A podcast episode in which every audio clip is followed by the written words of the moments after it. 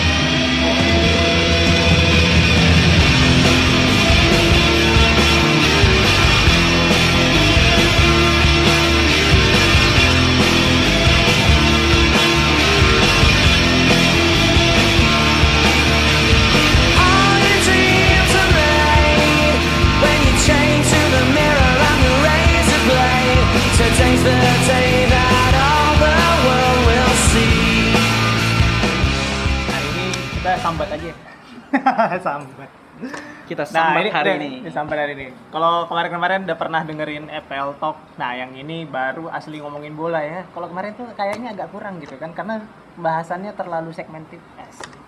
Karena ini kita akan gali dari awal banget bersama seorang apa ya enaknya Seorang- disebut apa nih enaknya nih? Seorang yang sok tahu soal bola. ini dong apa Randi Randi sama Febri double pivot cuman kita. cuman fans layar kaca aja. Oh iya nggak apa-apa. Tapi kita bisa lihat, uh, bisa dengerin banyak nih nanti so- soal bola dan kenapa dia suka Chelsea. Ya, itu pengen tahu nih. Ini harus ada harus ada sejarahnya. Ente harus ngomong nanti dia. Oke, di sini udah bergabung sama saya uh, Faidil, uh, nama panjangnya Rizky.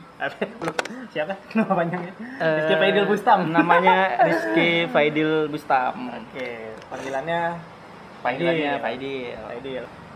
Eh, sebenarnya banyak sejarah soal panggilan. Mau dipanggil Rizky udah terlalu banyak. Oke. Mau dipanggil Faidil kayaknya ya udah Oh. orang lebih nyaman manggil Faidil akhirnya dipanggil Faidil. Kayak Faidil, oke. Ini uh, udah mulai apa namanya? Pakai sign gini ya, uh, Ronaldinho, Ronaldinho. Oke, dah. Ya depan saya udah ada udah gabung sama saya ada Faidil. Dia nih sebenarnya udah lama banget ngikutin bola, lebih lama dari saya rupanya. Dan lucunya tidak termasuk yang tidak tidak termasuk uh, termasuk main tidak masuk mainstream berarti side stream ya.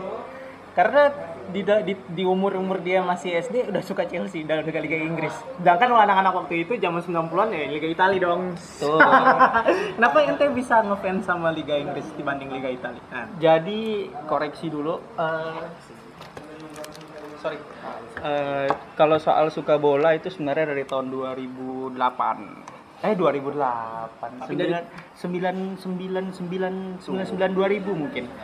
Umur masih 6 atau 3 SD. tahun. Berarti SD udah nonton bola kan? Gila juga. Itu sejarahnya dulu seingat ini anaknya pakai gua pakai pakai pakai aku atau pakai saya? Oke, saya. saya ingatin dulu saya dulu waktu itu lagi jalan sama almarhum ayah kebetulan al- almarhumnya juga sekolah tapi dia lebih ke sepak bola nasional gitu Apalagi Indonesia ya. Apalagi apalagi beliau orang Padang dan pada saat itu semen Padang lagi semen lagi Padang. lagi tinggi tingginya Semen jadi Padang. pada waktu itu lagi jalan dibeliin baju bola dan baju bola pertama kali masih ingat itu baju bolanya Juve Juventus dengan tulisan Del Piero di belakang Nah, salam dulu. Kalau saya Inzaghi.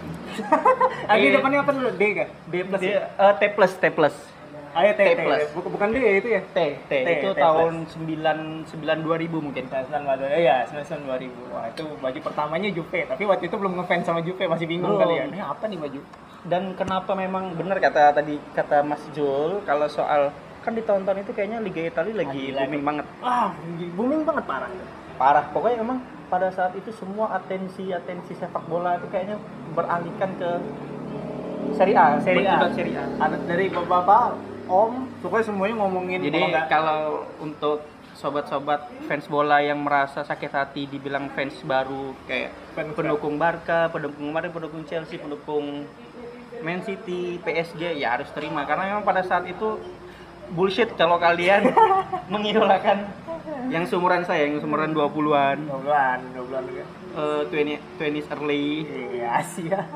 Yang Masih mengidolakan di luar dari tim-tim Liga Italia Ah, ataupun tim-tim Liga Inggris mungkin yang pada saat itu udah mulai naik tuh kayak MU, MU ya. MU, Ah, Arsenal, Liverpool tuh emang sudah lama dari tahun 90. Big Four pertama lah ya. Big Four dengan Leeds United dulu sebenarnya.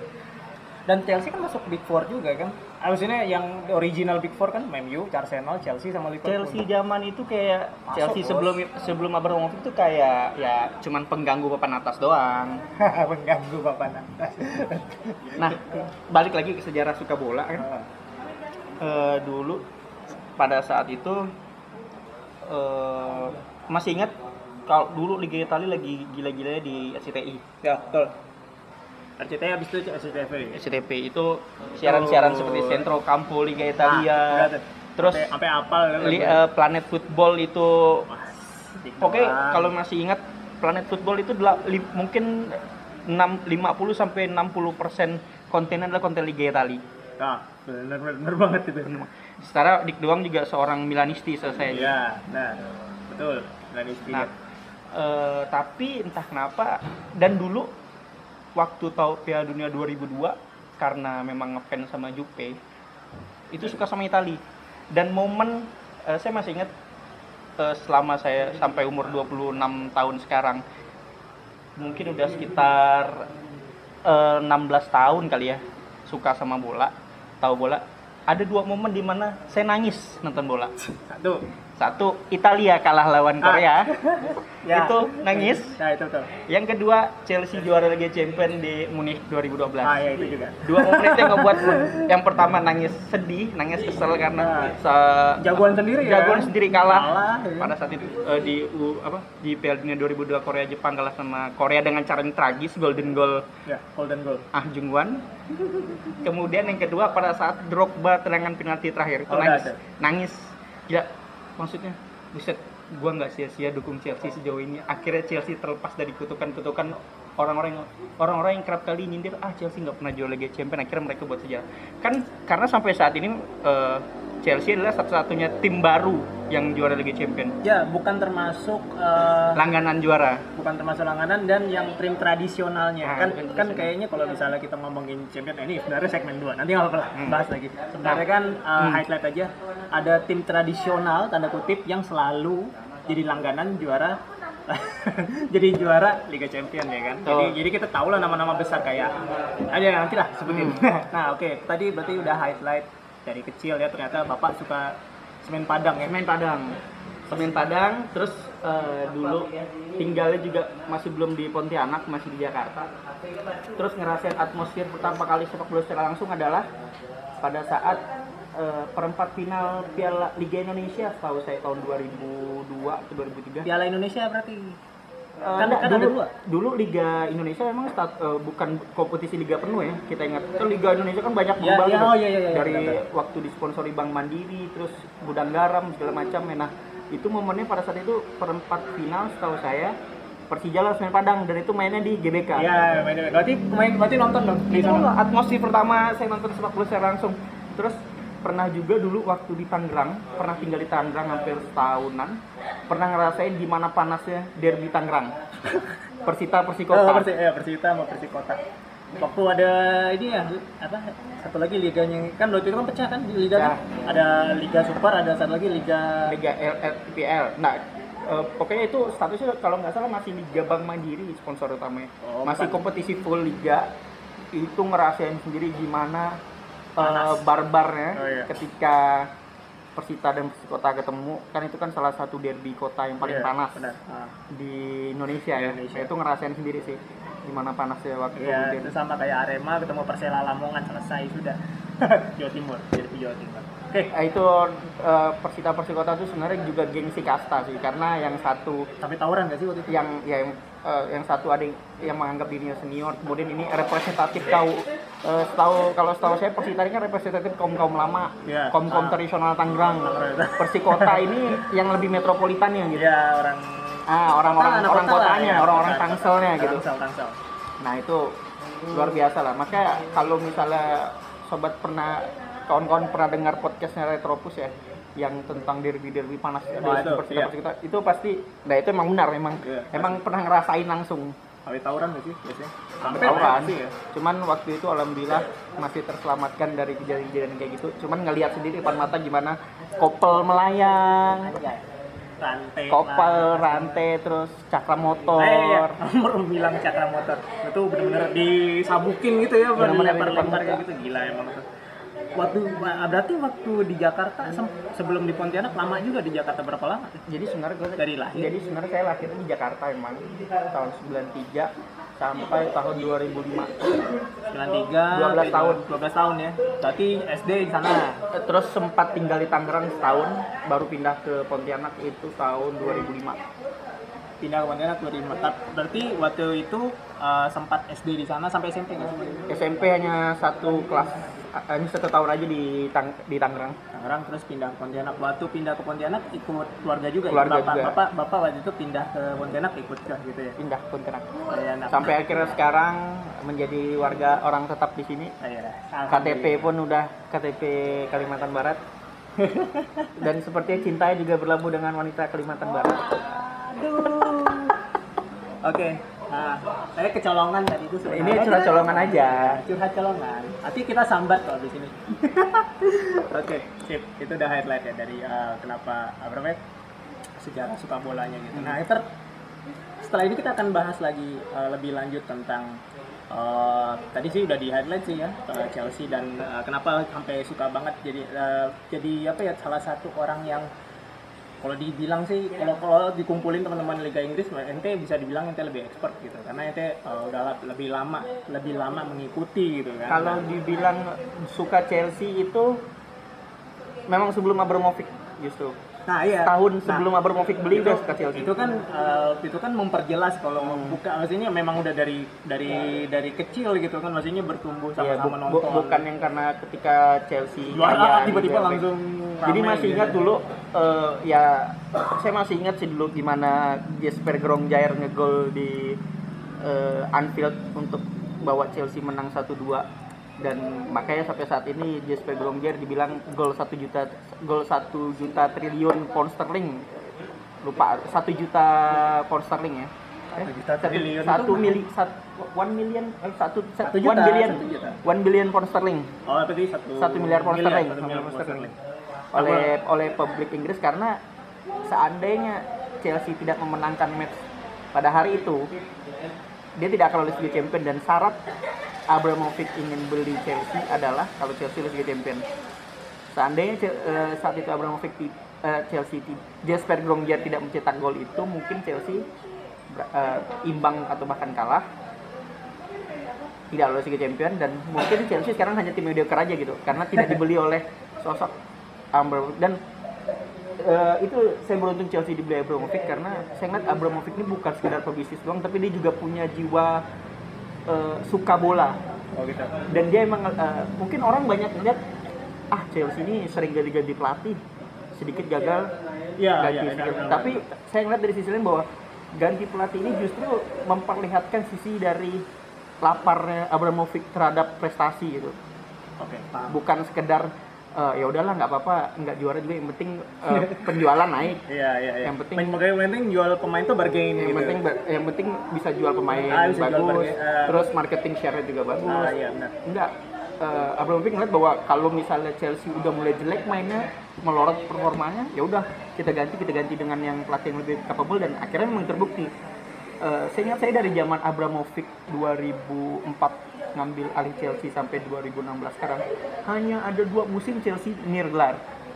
Hanya ada dua musim. Hanya ada dua di musim. tahu di musim ke? 2013 du- 2013 2014 saat Chelsea dilatih Mourinho untuk kedua kalinya. Terus Terus du- eh, pada saat ter- musim terakhir Mourinho ngelatih di Chelsea, yang pada itu Chelsea jeblok banget sampai peringkat 10. oh iya. Nah, Nah itu. Hanya dua musim itu aja Chelsea tidak dapat gelar. Hanya di dua musim itu doang terus sele- selebihnya entah Selebihnya gelar- paling tidak satu gelar. paling tidak ya Paling tidak satu gelar. kalau nggak dia Itu piala FA itu Carabao itu membuktikan bahwa dan kalau dilihat juga statistik eh, prestasi tim-tim di Liga Inggris selama 10 sampai 15 tahun terakhir itu Chelsea ada yang paling atas. Chelsea Chelsea teratas untuk urusan mengumpulkan trofi.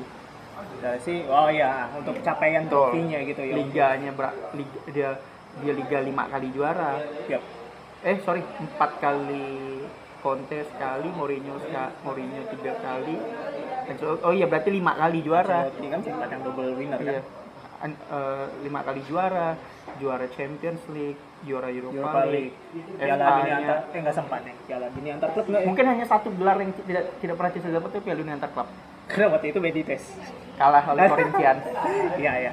Baik, nah kita masuk ke segmen kedua segera saja soalnya ini nanti bocor nih. masuk ke segmen kedua, oke.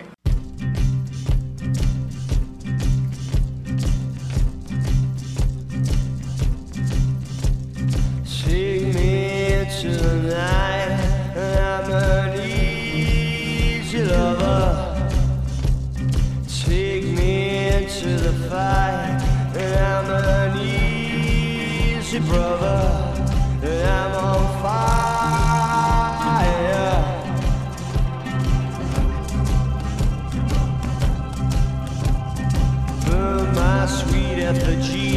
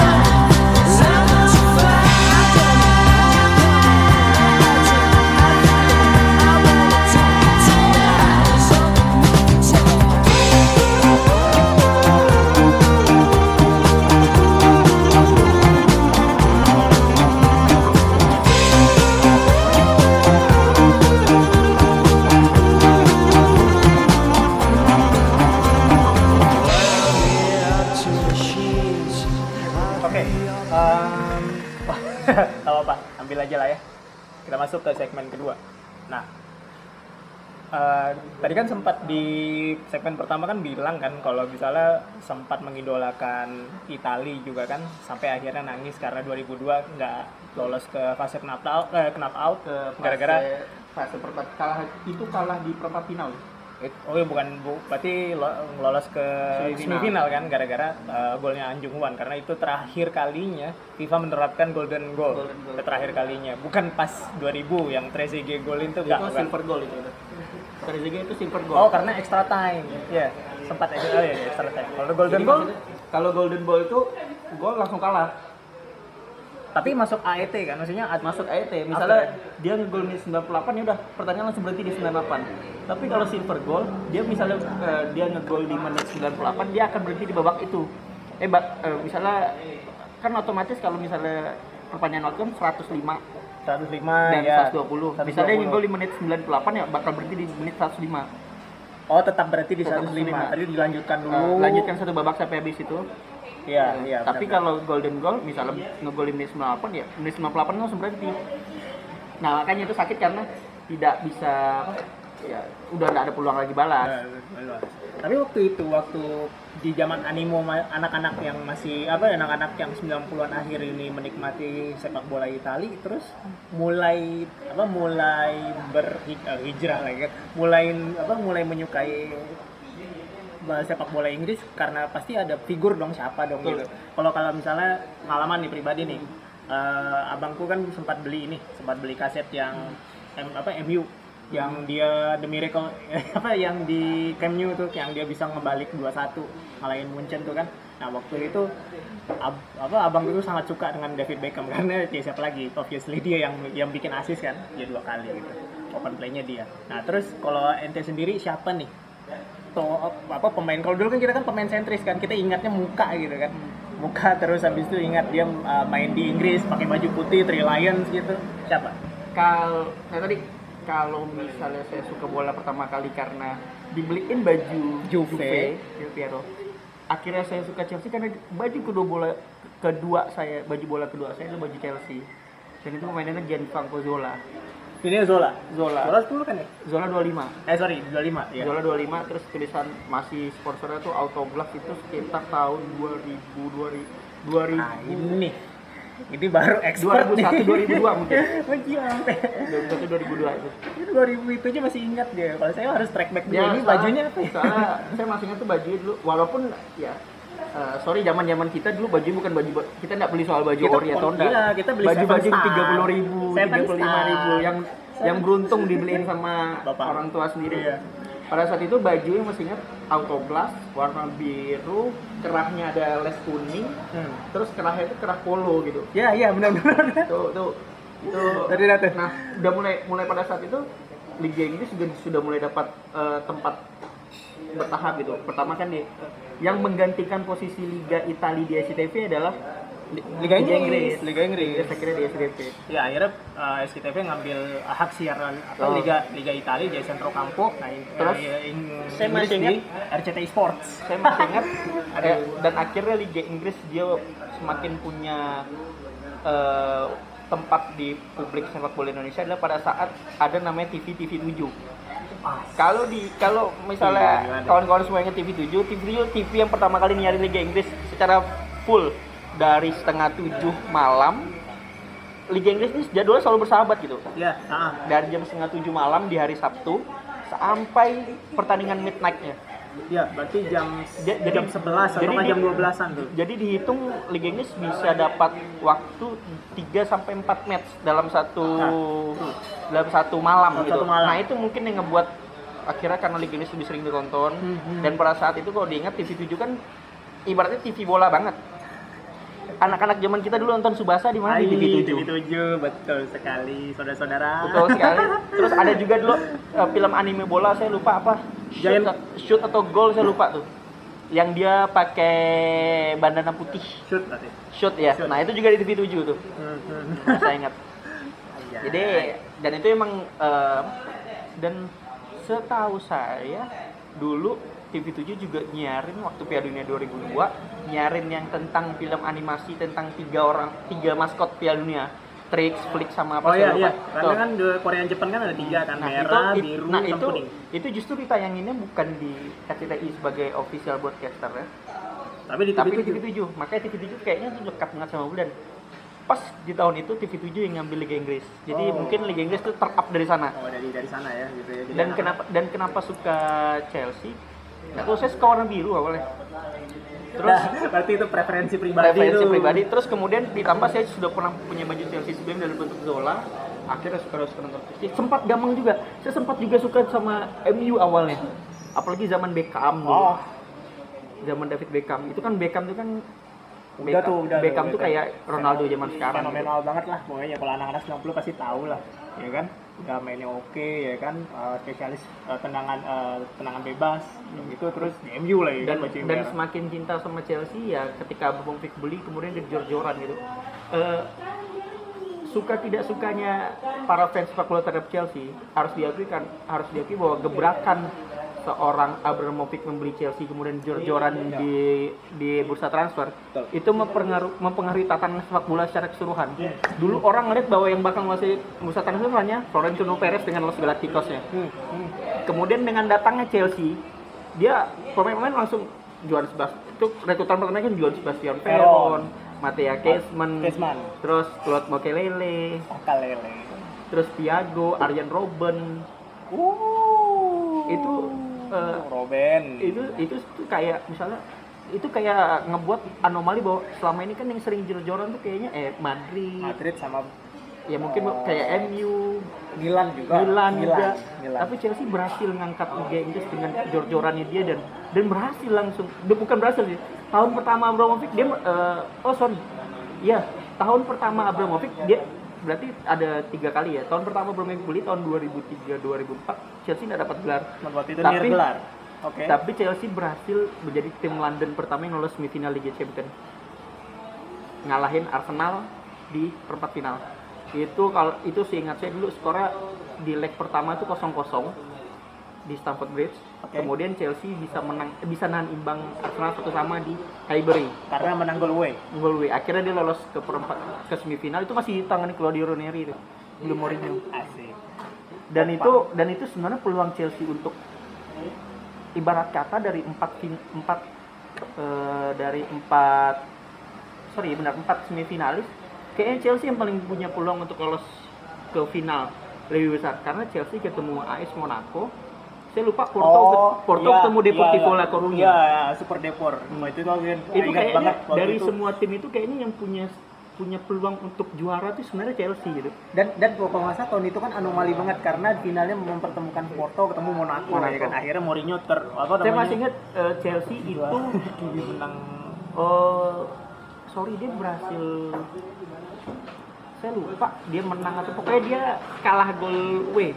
Eh oh, iya kalah gol W dengan Monaco dan akhirnya Monaco yang lolos ke final ketemu Porto. Iya. Itu seandainya mungkin Porto tapi itulah mungkin garis namanya garis takdir dia ya. Karena kesuksesan Porto pada tahun itu ber- berefek pada dibelinya Mourinho di tahun Iya, selanjutnya iya, oleh iya, Chelsea benar, gitu. benar. Dan itu emang tahun anomali dan orang nggak ada yang ngira ah apaan nih? Kok tahun ini? Siapa oh, itu kan bukan tim maksudnya ada dua-dua dua-duanya adalah underdogs gitu kan. Tim kuda hitam yang tiba-tiba entah kenapa karena formnya bagus aja tuh tiap-tiap babak tuh bagus mainnya terusnya mereka sampai ke final aja gitu. Bahkan Super Depor bisa ngalahin Milan gitu. Bisa ngebalik malah. Pertama kan udah 4-1 terus di Depor dibalik. Langsung jadi 4 4-0 tuh gila juga tuh. Saya kaget dan gitu kan. finalnya juga anti klimaks sih buat AS Monaco. Itu sebenarnya AS Monaco juga Luma juga punya sejarah sih pada tentu saya kalau nggak salah pemainnya itu kan pemain pertama yang nyetak hat-trick di era Liga Champions modern Dado Perso Oh, dia dia dia pertama kuatrik di era di era modern ya, di era di era saya Champions League yang modern kan karena dulu kan formatnya masih formatnya masih European European apa gitu European League atau apa saya lupa UEFA Cup. European Cup gitu kan. Eh, Ah, semenjak, Cup, semenjak. Liga Champions tahun 93 kalau nggak salah baru Dado Perso itu kan penjalan dulu Dado Perso dan Fernando Morientes Ya, Morientes sama kemudian ada Ludovic Giuli Juli. Ya, Juli dibeli Barca.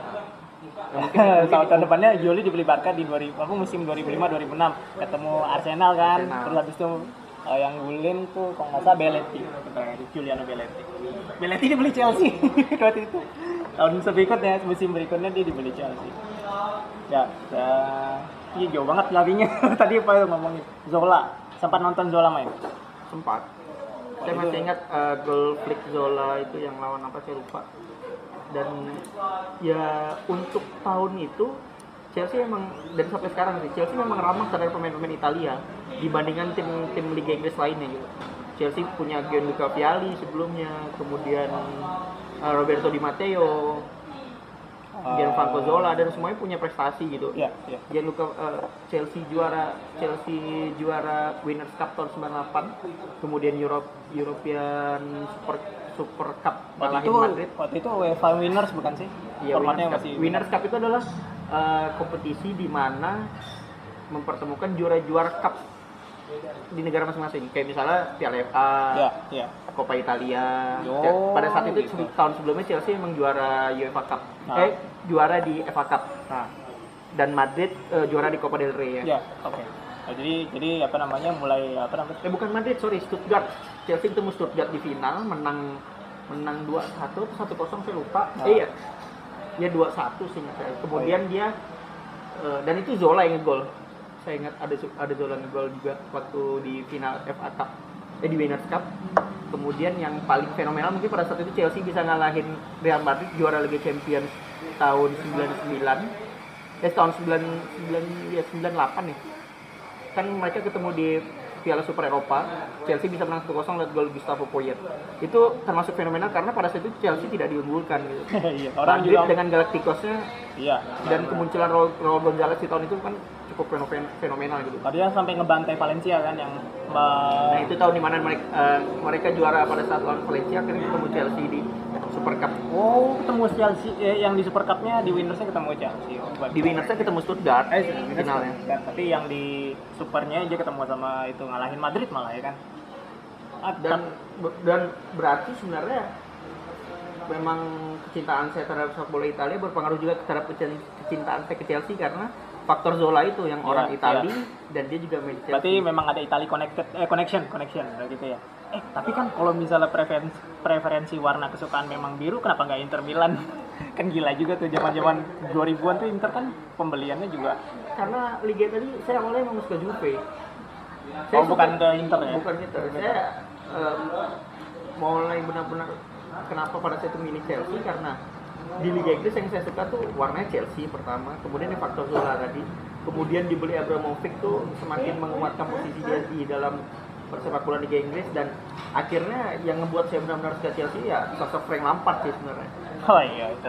Pada lampat dah. Sorry untuk untuk para fans yang selalu memperdebatkan who is the best Lampard, Gerrard atau Scholes. Saya punya jawaban sendiri kenapa, saya harus milih ah, Lampard gitu. Why? Kenapa?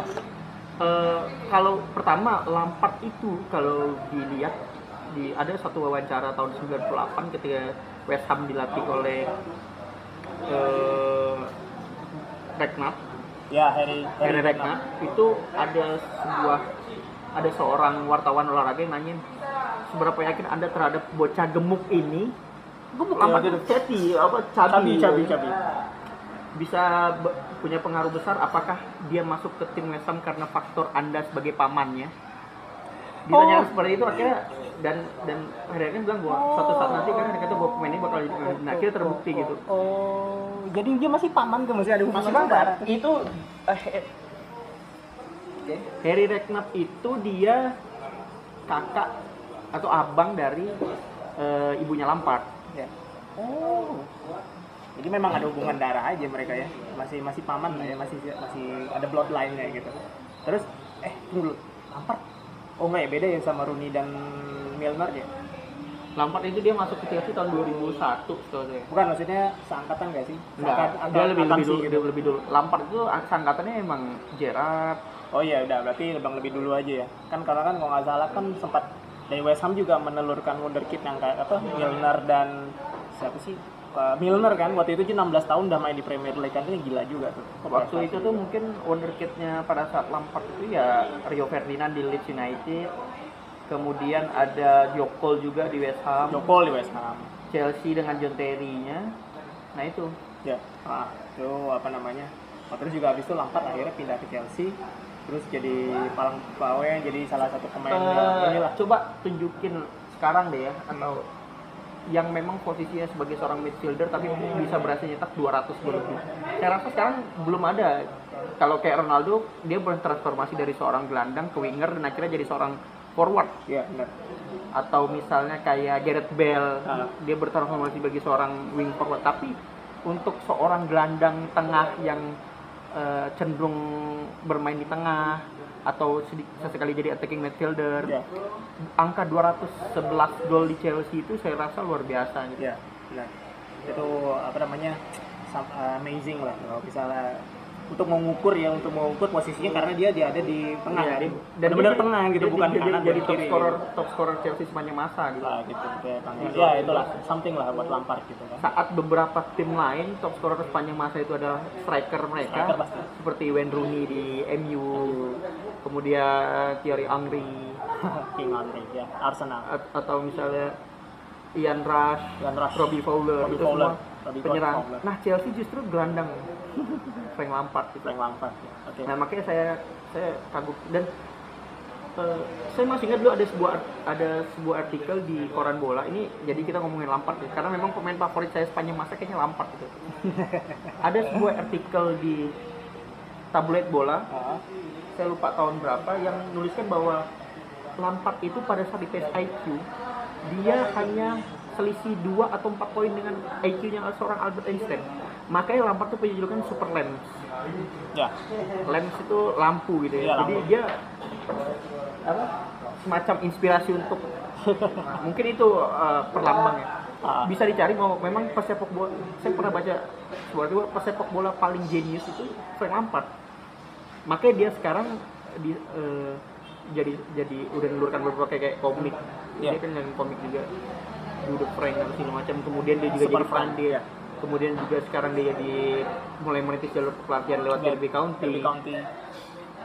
Nah, Oke. nah, Kita masuk ke ini untuk meng-highlight segmen berikutnya. Ini nih pengetahuan seorang Faidil tentang Chelsea ini nggak nggak lepas sih dari membaca buku, habis itu nonton ya kan. saya Berarti dulu suka ba- suka baca koran bola sih. Ah, dulu, dulu kan berarti kan dulu kan dari bacaan ya karena kita memang dari 90-an sampai 2000-an kita memang belum ada internet, tuh itu belum kenceng sih ada sih ada cuman belum sampai Untuk tahu berita transfer tuh mesti mesti nunggu eh, baca koran bola dulu. bola-bola dan itu tuh ya di musim transfer gitu kan di, di winter atau di summer. Nah kita akan masuk di segmen ketiga bagaimana cara ini kan ini sebenarnya untuk saran bagi teman-teman yang baru menjadi fans bola di baru-baru ini gimana caranya mereka eh, apa namanya tahu lebih banyak tentang klub kesataan mereka bukan hanya mengidolakan orang dan apa namanya lebih wawasannya lebih terbuka gitu karena kan kita sangat telah dengan istilah fans kardus, decul dan lain-lain. Nah ini kita akan jawab di segmen ketiga. Thank you. Oke, masuk ke segmen ketiga. Nah, ini sebenarnya segmen paling penting karena oke, kita ini dulu, kita apa ya nge-review dulu. Sekarang nih kayaknya untuk menjadi di tahun-tahun sekarang ya, untuk menjadi fans bola tuh agak sedikit apa namanya? agak sedikit bias gitu kan karena informasi di mana-mana orang bisa akses berita bola kapan aja ya kan tinggal buka gol.com atau tinggal buka apa pun kita bisa baca berita. Nah, itu yang membuat kita tuh apa ya? Sense of belonging dengan dengan itu tuh berkurang gitu kan. Orang juga orang sangat gampang hari ini mengidolakan seorang Neymar tapi nggak tahu apa-apa tentang dia. Terus habis itu cuma tahu oh dia di PSG udah selesai gitu. Contoh paling gampang saya waktu itu 2000 berapa Ibrahimovic pindah ke Milan kan 2011 tuh 2010 ya musim 2010 langsung Scudetto kan. Itu animo orang temen-temen nih langsung ikut gitu kan. Wah iya Ibra nih Ibra di Milan gitu kan. Semua orang fans Milan terus pakai baju Fly Emirates ya kan gitu. Terus Ibra pindah ke PSG bingung. Pindah juga mereka kayak kan. Jadi akhirnya nggak ada yang bikin nggak ada faktor atau nggak ada alasan solid gitu. Kalau sekarang kan enak kan misalnya kayak ente kan ente tahu tahu alasan karena tadi personal ya kan balik ke pengalaman kecil udah dapat uh, bajunya Zola terus baca buku baca koran ya kan segala macam gitu nah sekarang nih kalau misalnya untuk menjadi fans yang wawasannya berkembang nggak cuman nggak dikategorikan oleh fans kardus apa sih yang harus di biar teman-teman nih lebih apa namanya wawasannya nggak nggak cuman farming nggak cuman gontok-gontokan ya soal aduh Chelsea, ah, Arsenal. Arsenal, Chelsea. Munyuk, uh, Liverpool, apa Gini, ya? gini. Ah, Iya, kalau yang kalau yang ini hasil analisis abal-abal Iya, saya aja gitu ya. Perspektif aja, subjektif Jadi aja. kenapa cara mendukung fans sepak bola sekarang terkesan norak Nah. dibanding orang-orang yang ada beberapa orang yang akhirnya malas ya melihat orang-orang kayak gitu bahwa saya misalnya nih, Hmm. saya pribadi dulu eh, belajar banyak soal informasi sepak bola itu dari koran. Kenapa kenapa justru orang-orang yang seperti itu bisa punya eh, kepemahaman soal bola jauh lebih Luas dalam ya? tapi dalam dan dan lebih respektif terhadap lain karena gini di zaman sekarang eh, orang-orang tuh banyak dapat informasi dari akun-akun Instagram, akun-akun Twitter yang yang kalian nggak tahu kapabilitas orang itu yang Iya. mengelola akun tersebut Iya, gitu. benar. Bisa jadi justru dia sebenarnya pengetahuan bola lebih rendah. Dia hanya mencoba Dibanding- dia hanya mencoba mencari AdSense dari akun-akun Instagramnya, akun akun Twitternya, kemudian mencari ramainya doang. Ak- Akhirnya buka buka giveaway, eh, apa giveaway kemudian paid promotion bla bla bla segala macamnya. Nah, berbeda kalau lewat koran karena lewat koran yang nulis ada kontributor olahraganya langsung. Langsung. Orang-orang yang yang dengan pengalamannya datang langsung ke stadion, Ya, wawancara wawancara langsung ke stadion langsung. Pernah dengan riset Piala Dunia. dengan risetnya segala macamnya. Kemudian dengan apa? Dan hasil biasa juga hasil dari wawancara dengan para pemain. Ya. Dan mereka itu sebelum tulisan mereka naik cetak itu udah berbagai da- udah dalam berbagai macam koreksi sebelumnya. Ya. Ini benar nggak data ini, ini benar data ini. Jadi tidak tidak asal langsung dilempar ke postingan-postingan Iya. dunia maya seperti sekarang gitu. Kalau sekarang sih Nah, mak- makanya eh, eh, dan pada saat zaman dulu, jadi kalau di- boleh diakui dulu, pada saat orang-orang zaman SD SMP itu nabung anak-anak seumuran itu nabung untuk beli misalnya beli mainan. Iya. Saya justru buat- lebih banyak nabung untuk beli beli koran Beli bola, koran beli koran bola. dan dibanding zaman itu dulu ada bola, ada soccer, ada go Ada go. saya lebih prefer ke bola karena emang isinya lengkap walaupun orang walaupun ada cerita "Ih, namanya aja tablet bola tapi isinya kok bukan bola doang Iya iya benar-benar. Jadi mengcover basket Cover juga, ada juga apa tapi emang eh, tablet bola tuh ada cikal bakal dari pengetahuan olahraga khususnya bola di Indonesia ya Betul, betul banget. dia dari tahun 84 setahu saya terus eh, dia juga punya orang-orang yang kalau diingat rata-rata komentator-komentator bola zaman dulu itu orang-orang tabloid. Bukan seperti sekarang yang misalnya mantan pemain bola. Enggak bukan berarti mantan pemain bola Iya, iya, buruk iya, ya. iya. bukan bukan merendahkan mereka. bukan tapi eh, saya percaya bahwa jurnalis-jurnalis olahraga itu jauh lebih berkompeten dalam hal menilai orang. Bukan karena dia tidak pernah tampil di lapangan tapi karena dia tahu. Dia bisa menilai bahwa oh eh, saya bisa ngambil dari yang si A saya bisa ngambil dari si B. Ya. tanpa perspektif bahwa eh, aku suka tim ini nih. Aku Hmm. suka tim ini makanya aku lebih lebih eh, komentar-komentar aku kayaknya lebih menaikkan untuk tim ini bukan? Makanya saya lebih prefer olahraga kayak bung dulu di Liga Italia itu bung kayak bung Rayana Jaka Oh, itu Surya pasti. Itu tabloid bola dan akhirnya dipakai salam komentator. Bung Raya. Terus kemudian bung Tommy Welly. Bung Tommy. Bung eh, Adang Doro Jatun. Dan Doro Jatuh terus kayak banyak Kusnaini itu segala macam. Orang-orang tabloid semua. Iya. bukan. Bukan. Bukan bukan pemain bola. Bukan main bola tapi orang tabloid yang punya sense selera bolanya tinggi. Jadi dia coba eh, komentator-komentator legendaris Liga Inggris justru bukan pemain bola. Seperti Peter Drury, Peter Drury Jim Beck, Jim, Jim Beglin. itu bukan pemain bola. Bukan main bola dia. Tapi emang pandit pandit khusus sepak bola Iya, yang iya, iya. yang ya suka nggak suka mereka punya walaupun mereka tidak pernah tampil di lapangan hijau tapi mereka punya perspektif olahraga yang baik Iya. Peter Drury itu aduh eh, apa namanya? Dia karena dia juga komentator kan. Dia juga apa namanya membawakan acara kalau misalnya ada di final Liga kalau final Champions pasti eh, ada ya kan di Champions League ada di Liga Inggris juga ada. Dan itu kan seru kan kayak kemarin di highlight sama Retropus yang Roma yang Kostas the, Manolas the, golin itu. the great gag the, the great Reason the, from the the- great god of Rome Iya, The Great God of Rome yang sebelumnya bilang has risen from the ruins Nah. itu gila itu. Itu Nah. merinding dengernya gitu. Itu eh, hanya orang-orang yang punya passion sangat tinggi di bola tuh yang bisa apa ya menggugah ya waktu ya menggugah. Kita tuh jadi wah iya anjir ini keren nih gitu kan. Jadi Ya. memang more than just football sih jadi emang makanya eh, saya udah jarang nonton timnas karena saya nggak suka dengan komentator itu aja. Eh, si Bung eh, sorry ini ini kita si Bung Ahai, Bung Dedi, Bung Fahri saya nggak suka dengan karena tidak memberikan pengetahuan buat para penontonnya gitu yo, tidak memperluas ya hasanah. tidak memperluas iya iya benar benar, benar. itulah kita itu juga kenapa salah satunya Liga Premier tuh asik nah jadi kita kadang kalau misalnya lagi agak bosan kita dengerin aja komentatornya betul gitu kan nah eh, para pendukung misalnya pendukung City pasti dia akan terkenang gimana Peter Drury eh, Peter Drury Bukan. ah, Martin Taylor lah Martin Taylor bilang Aguero gila. 9, eh, The Miracle of 92 atau misalnya pada saat eh, John Champion eh, ini Drogba yang pas Drogba golin. tandukan Wow, itu itu atau misalnya bagaimana seorang Gary Neville merasa orgasme pada saat Torres bawa bola sendirian one by one dengan Fabinho.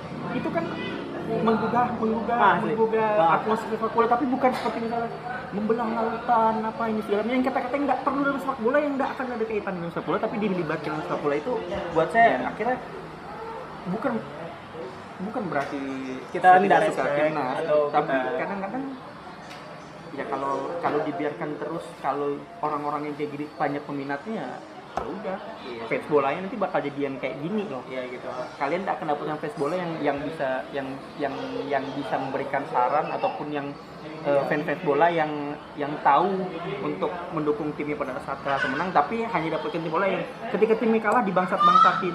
Ketika tim lawan Iya, kalah iya, iya. dibangsat-bangsatin udah parah tuh. Nah itu buat saya kayak itu peran dari apa yang ditonton juga, apa yang didengar juga, apa yang dibaca juga. iya benar benar dan kan eh, kalau apa namanya ya itu juga sebenarnya autokritik sih biar orang-orang yang karena kan kita kan kadang terbawa suasana kan pasti lah. Kalau lagi kalah kan kita kan pengen apa namanya bisa segera comeback dan lain-lain. Itu termasuk alasan kenapa saya sering banget di akhir-akhir ini sering banget apa naik-naikin Milan gitu kan. Karena memang bukan kalau misalnya pas dia menang atau mungkin pas dia seri dan kalah tapi lihat permainannya kan.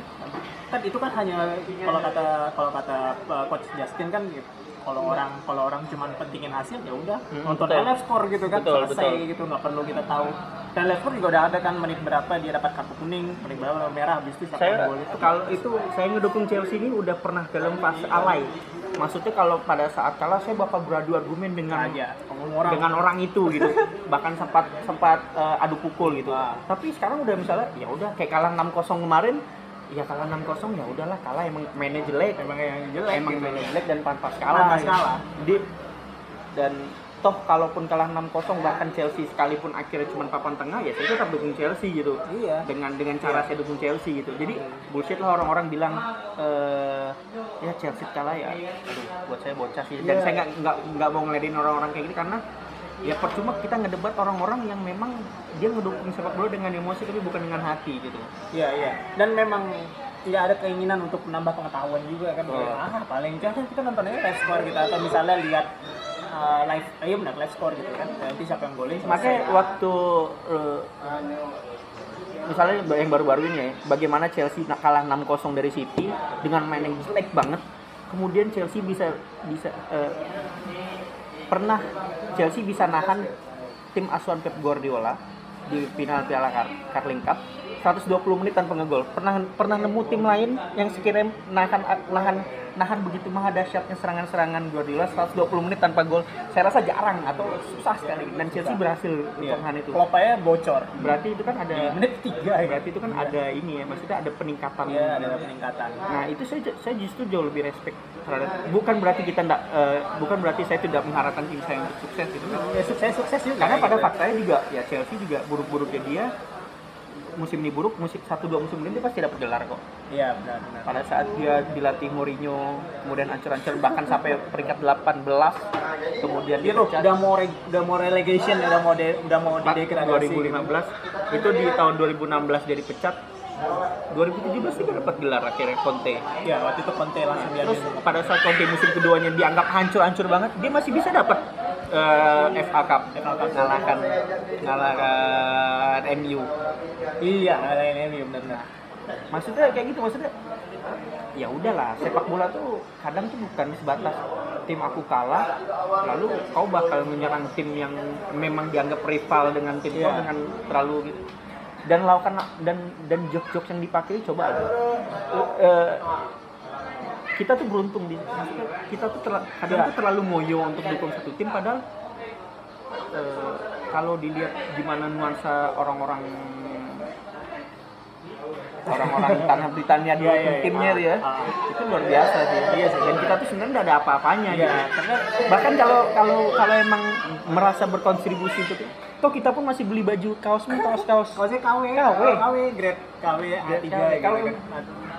Belum bisa, belum bisa, bisa. belum jadi bisa. kita tuh memang masih ma- masih kalau emang masih dianggap United ya udah akui karena memang itulah kaliber kita sekarang Nah, gitu. kita bukan di tanah di mana sepak bola itu besar gitu. Bukan kita bukan orang eh, walaupun kita bukan orang Inggris yang benar-benar tiap tiap Sabtu Minggu tuh mereka menghabiskan waktu dengan keluarga mereka memang ke stadion gitu. Mereka datang ke sana, anak-anak mereka nonton gitu kan.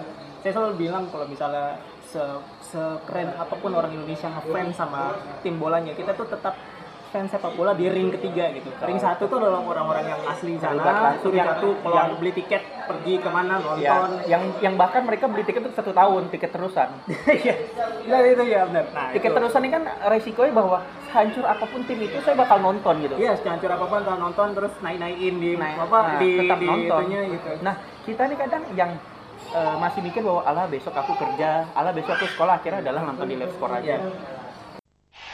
And his staff are on the pitch. They think it's all over. It is now.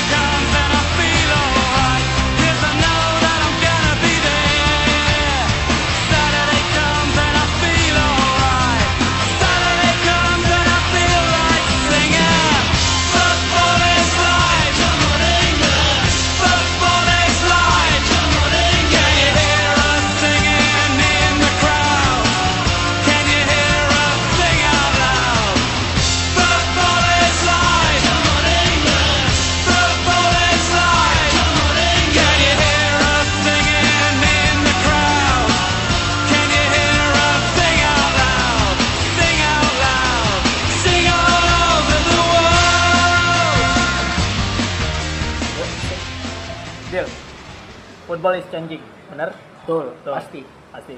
Ada yang berubah dari sepak bola. Nah, ini yang hampir yang yang nggak sempat kita omongin di rekaman pertama ini. Hmm. Ada hal-hal yang berubah dari sepak bola.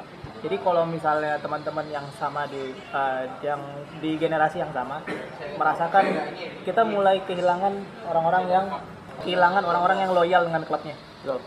Jadi saya ngerasain pas Maldini pensiun, ah udah tuh udah udah dari dari situ tuh kayak downfall gitu.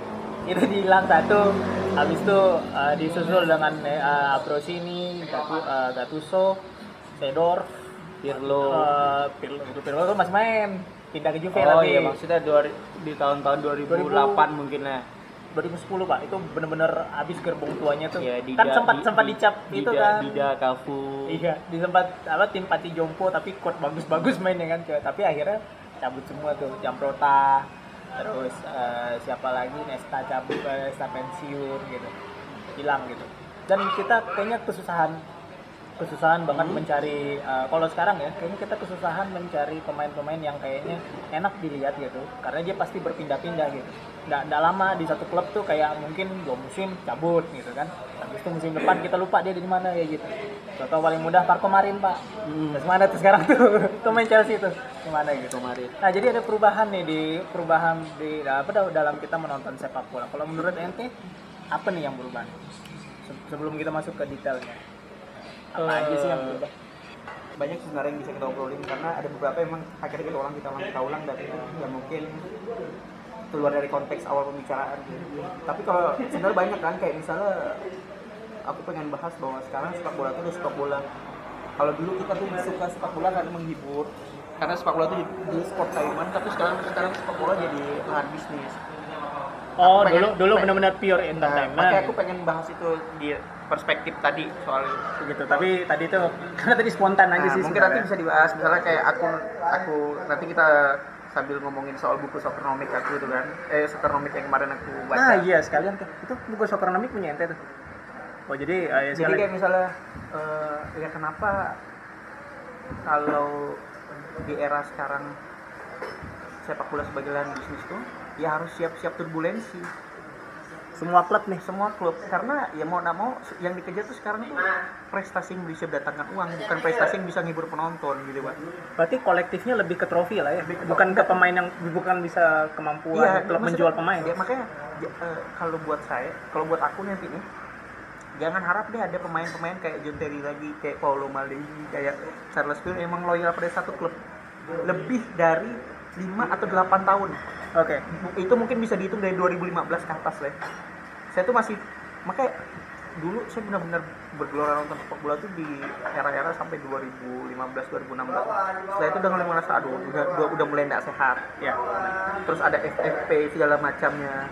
Terus ada orang ada ada ada klub-klub yang berani jual berani ngebeli pemain dengan harga yang yang sekarang makin gila ya harga-harga Nah, pemain makanya tuh sepak makin bola sekarang tuh sepak bola bisnis. Makanya ya kalau misalnya para fans sepak bola tidak tidak sadar akan itu ya akhirnya mereka terjebak pada sepak bola eh, pada cara mendukung sepak bola yang sama padahal perspektif mereka harus bahwa ya udah sepak bola sekarang sepak bola bisnis. Nggak ada yang memang men- mencoba untuk mempertahankan ideologinya dalam bersepak bola ala klub yang udah lama dipegang berarti kemarahan coach Justin kemarin tuh berarti siap-siap itu turbulensi juga kan karena bahkan Iya. kayaknya siap-siap apa namanya siap-siap pindah menjadi sepak jadi sepak seandainya yang seandainya ada gitu, bisnis oriented satu atau dua klub di Liga Spanyol yang dibeli oleh orang super kaya misalnya katakanlah Sevilla, Valencia atau eh, ATM. Nah, itu bakal merusak tatanan yang dibangun oleh Barca dan Madrid dan ya tinggal tunggu waktu aja. Getafe kan kemarin sempat dibeli Ya, sama tapi enggak itu Sheikh. ya itu eh, Malaga ada yang sorry Getafe lagi ya mereka juga enggak kuat dalam ini mungkin. Eh, perencanaan. Ya bagaimana dulu MU Liverpool Arsenal itu goncang ketika Chelsea masuk tuh kan? Kemudian disusul oleh City. Itu kan dengan kekuatan ekonominya kira berubah tatanan sepak bola Inggris kan? Iya. Dan Liga Italia juga berubah tatanan sepak bola karena Juve yang kaya sendiri. tapi kalau menurut ente the original top 4 tuh siapa sih? Waktu sebelum Chelsea mendobrak kan? eh, kalau aku sih ngeliat Dulu, dulu. MU memang. Oh, Newcastle Liverpool. Arsenal. Arsenal itu dia. Iya berarti kan ada Newcastle. Berarti tradisi secara tradisi Newcastle masuk lah ya. Makanya pendukungnya banyak kayak kan Army gitu. Terus akhirnya modernnya berubah menjadi eh, MU, Chelsea, Liverpool sama Arsenal. Berubah lagi kedatangan Tottenham dan Manchester City. Jadi akhirnya Big Six jadinya.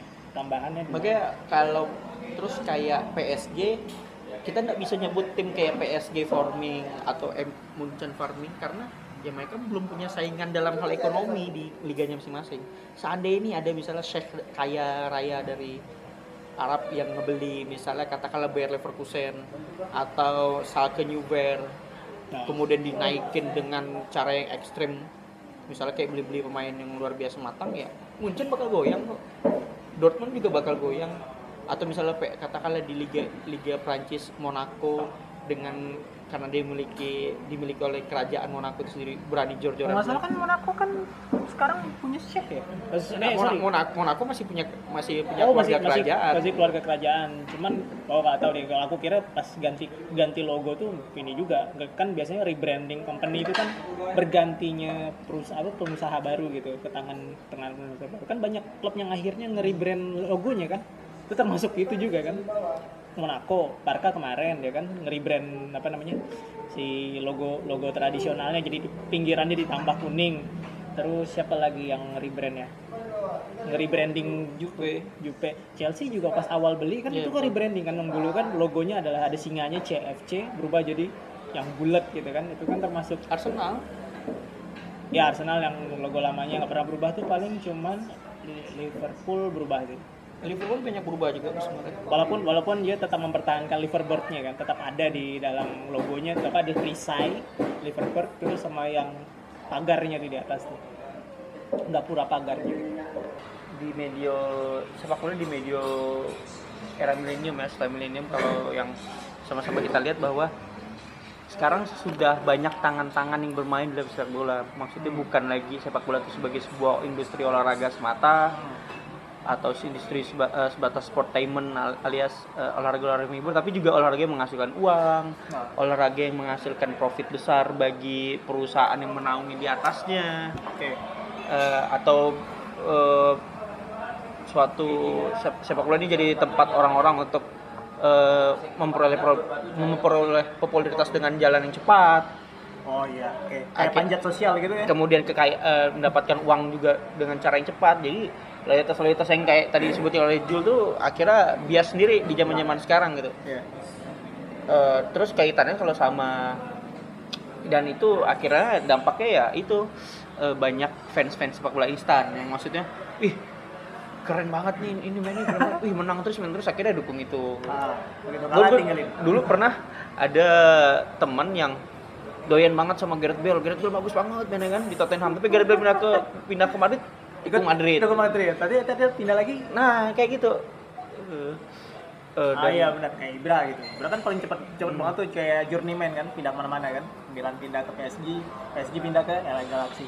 Tuh ada orang yang pasti ngikutin dia doang tuh, yang akhirnya main apa nonton bola jadi nggak seru karena dia Hmm. cuman satu orang doang gitu kan.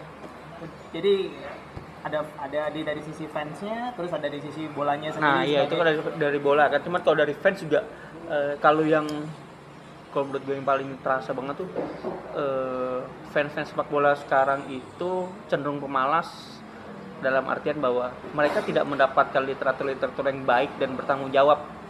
Baik dan informasi. bertanggung jawab. Contohnya misalnya eh, dapat info hoax tentang sepak bola di Twitter langsung di retweet. Ada troll-troll segala macamnya di Twitter Aduh. langsung di retweet. Ada di face, ada di Instagram yang kita nggak tahu siapa orang di balik akun tersebut nyebar informasi tanpa nyatunkan sumber.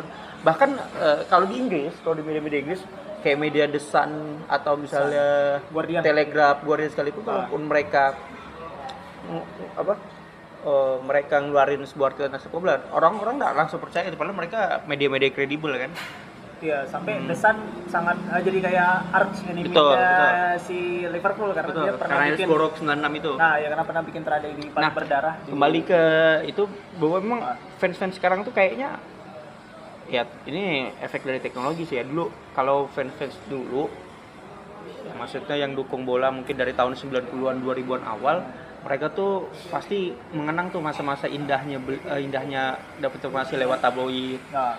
Kalau di Indonesia mungkin tablet bola, tablet Pasti, soccer, uh, atau misalnya majalah-majalah bulanan kayak majalah Bola Vaganza, Fortu, Nice. eh, atau dulu eh, ada yang khusus Manchester United saya lupa apa namanya juga. Terus Oh iya ada ya? ada Yang ada ada. iya, iya. Dan itu dikeluarkan oleh Kompas Gramedia juga saya ingat. Terus eh, Iya, iya, benar, benar. koran-koran juga punya rubrik sepak bolanya sendiri. Ah, betul. Ada khusus seri A, Liga Inggris. Terus eh, tayangan-tayangan sepak bola di TV juga dia bukan sekedar nampilin ini, bukan sekedar menampilkan tentang highlight pertandingan doang, tapi dia juga nampilin sepak bola dari segi sainsnya misalnya. Nice, Terus ya. info-info yang ya kayak ya kalau misalnya masih diingat tuh kayak dulu Planet Football, Yoi, dik doang. Dik doang. Yoi. Kemudian dulu ya, ya mungkin masih bertahan dengan gaya gitu One Stop Football sih. Sampai sekarang masih ya? Kalau yang kita lihat kayak ya misalnya ada beberapa tayangan sepak bola yang pakai nama sport-sport belakangnya itu hanya sebatas nampilin highlight, highlight, highlight dan rumor-rumor transfer tanpa misalnya dia ngasih semacam sebuah artikel atau rubrik khusus Nah. tentang sepak bola itu sendiri. Oke. Yang walaupun mungkin itu sebenarnya remeh, tapi ya orang bisa lihat fakta baru bisa oh iya benar juga ya, oh ternyata pernah di situ, oh nah. Iya benar juga ya. kayak. Nah, kecenderungan orang-orang untuk dapetin informasi itu bukan dari kalau misalnya kayak media, kita dapetin informasi dari majalah, tabloid, kemudian media-media TV itu yang bisa kita yakini benar yang bisa pertanggungjawabkan kebenarannya karena itu hasil Riset. dari riset orang-orang yang emang Iya. berkecimpung di dunia itu, dunia Iya, iya. sepak bola, dunia olahraga Iya. dan punya kode etik Benar. sendiri maksudnya. Kalau emang dirasa ini tidak benar ya tidak akan mereka sebar Betul. Bahkan informasi itu mereka bisa berasal eh, bisa bisa dapat dari eh, ring ring terdekat Iya, misalnya udah- kayak Sky Sport nih mereka nih Sky Sport nih kalau kita lihat sampai sekarang ini masih punya nih ring ring terdekat di tiap klub gitu jadi ketika info, eh, ada info-info tentang rumor-rumor tuh kalau udah Sky Sport yang ngeluarin sih biasanya Udah validasinya lebih baik karena 50% juga. karena biasanya itu mereka dapat dari koresponden orang-orang dalam di klub benar. Nah, kalau yang kita dapetin misal dari Twitter, dari Instagram, aduh, ini akun ad ini siapa sih? Ah, Bisa bisa jadi dia ternyata bocah umurnya masih belasan tahun, tapi tapi dapat duit banyak, Iya. cuman hasil dari misalnya ngadu ngetrol ngetrol fan-fans Iya, sepak bola, akhirnya panas sumbu pendek doang gitu Ya, kan? sumbu pendek doang. Tapi di Twitter ada pak yang kredibel satu pak Gianluca Di Marzio. Ya itu kan kalau itu kalau itu kan mereka emang kolumnis kolumnis sepak bola semua kan. Iya. Geno Di Marzio, kemudian ada Sah Kohyal, kalau lupa saya juga Sam Sam Tige dari Iya. Sama juga kalau mau mau lihat statistik sih ada di kalau YouTube ada Discord Nation sih. Jadi kita bisa tahu pemain apa yang mau dibeli sama apa tim timnya. Misalnya kita suka Milan gitu. Nanti kita bisa lihat nih pemain apa yang mau dibeli sama Milan gitu. Oke, berarti perubahannya banyak ya. Banyak. Dan eh, tadi eh, dan ini juga peta kekuatan tim itu kayaknya bergeser pak. Mm-mm, Itu pasti itu kan. Jadi kalau eh, teman-teman ingat dulu Big Four pertama tuh ya Big Four yang di kepala ke waktu aku sering nonton bola di Liga Inggris pasti cuman Manchester United, Arsenal, Chelsea sama Liverpool. Liverpool. Tadi itu mungkin zaman 2006, 2007, 2008 sampai 2010 kan petanya masih di tempat tuh. Kenapa 2010 muncul satu nih City. Udah mulai 2011 ya, 2011 City. Lalu habis itu Tottenham ya kan karena dia tembus Champions. Nah, akhirnya empat tadi itu berubah lah jadi Big Six jadinya ada ada enam tim top gitu dan itu salip-salipan gitu jadi eh, geser-geser-geser gitu. Nah ada lagi kalau misalnya bicara Eropa PSG. PSG dulu kan sempat ngetop gara-gara JJ Okocha sama Ronaldinho. Ronaldinho, terus ada Paul, Pauleta juga. Pauleta dan eh eh, enggak, Juninho Lyon salah. Nah, habis itu hilang lama gitu kan. Sampai akhirnya beli Thiago Silva sama Ibra kan.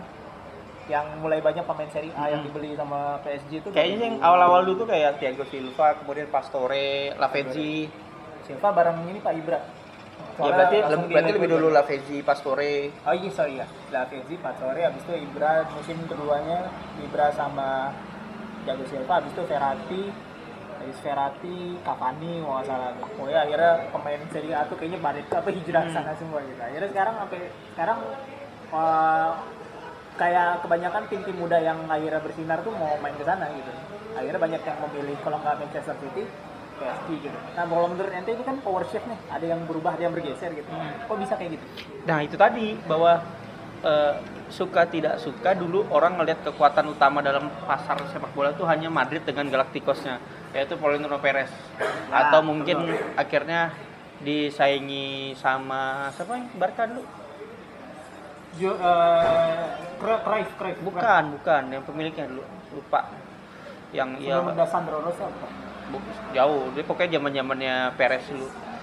Saya lupa apa namanya.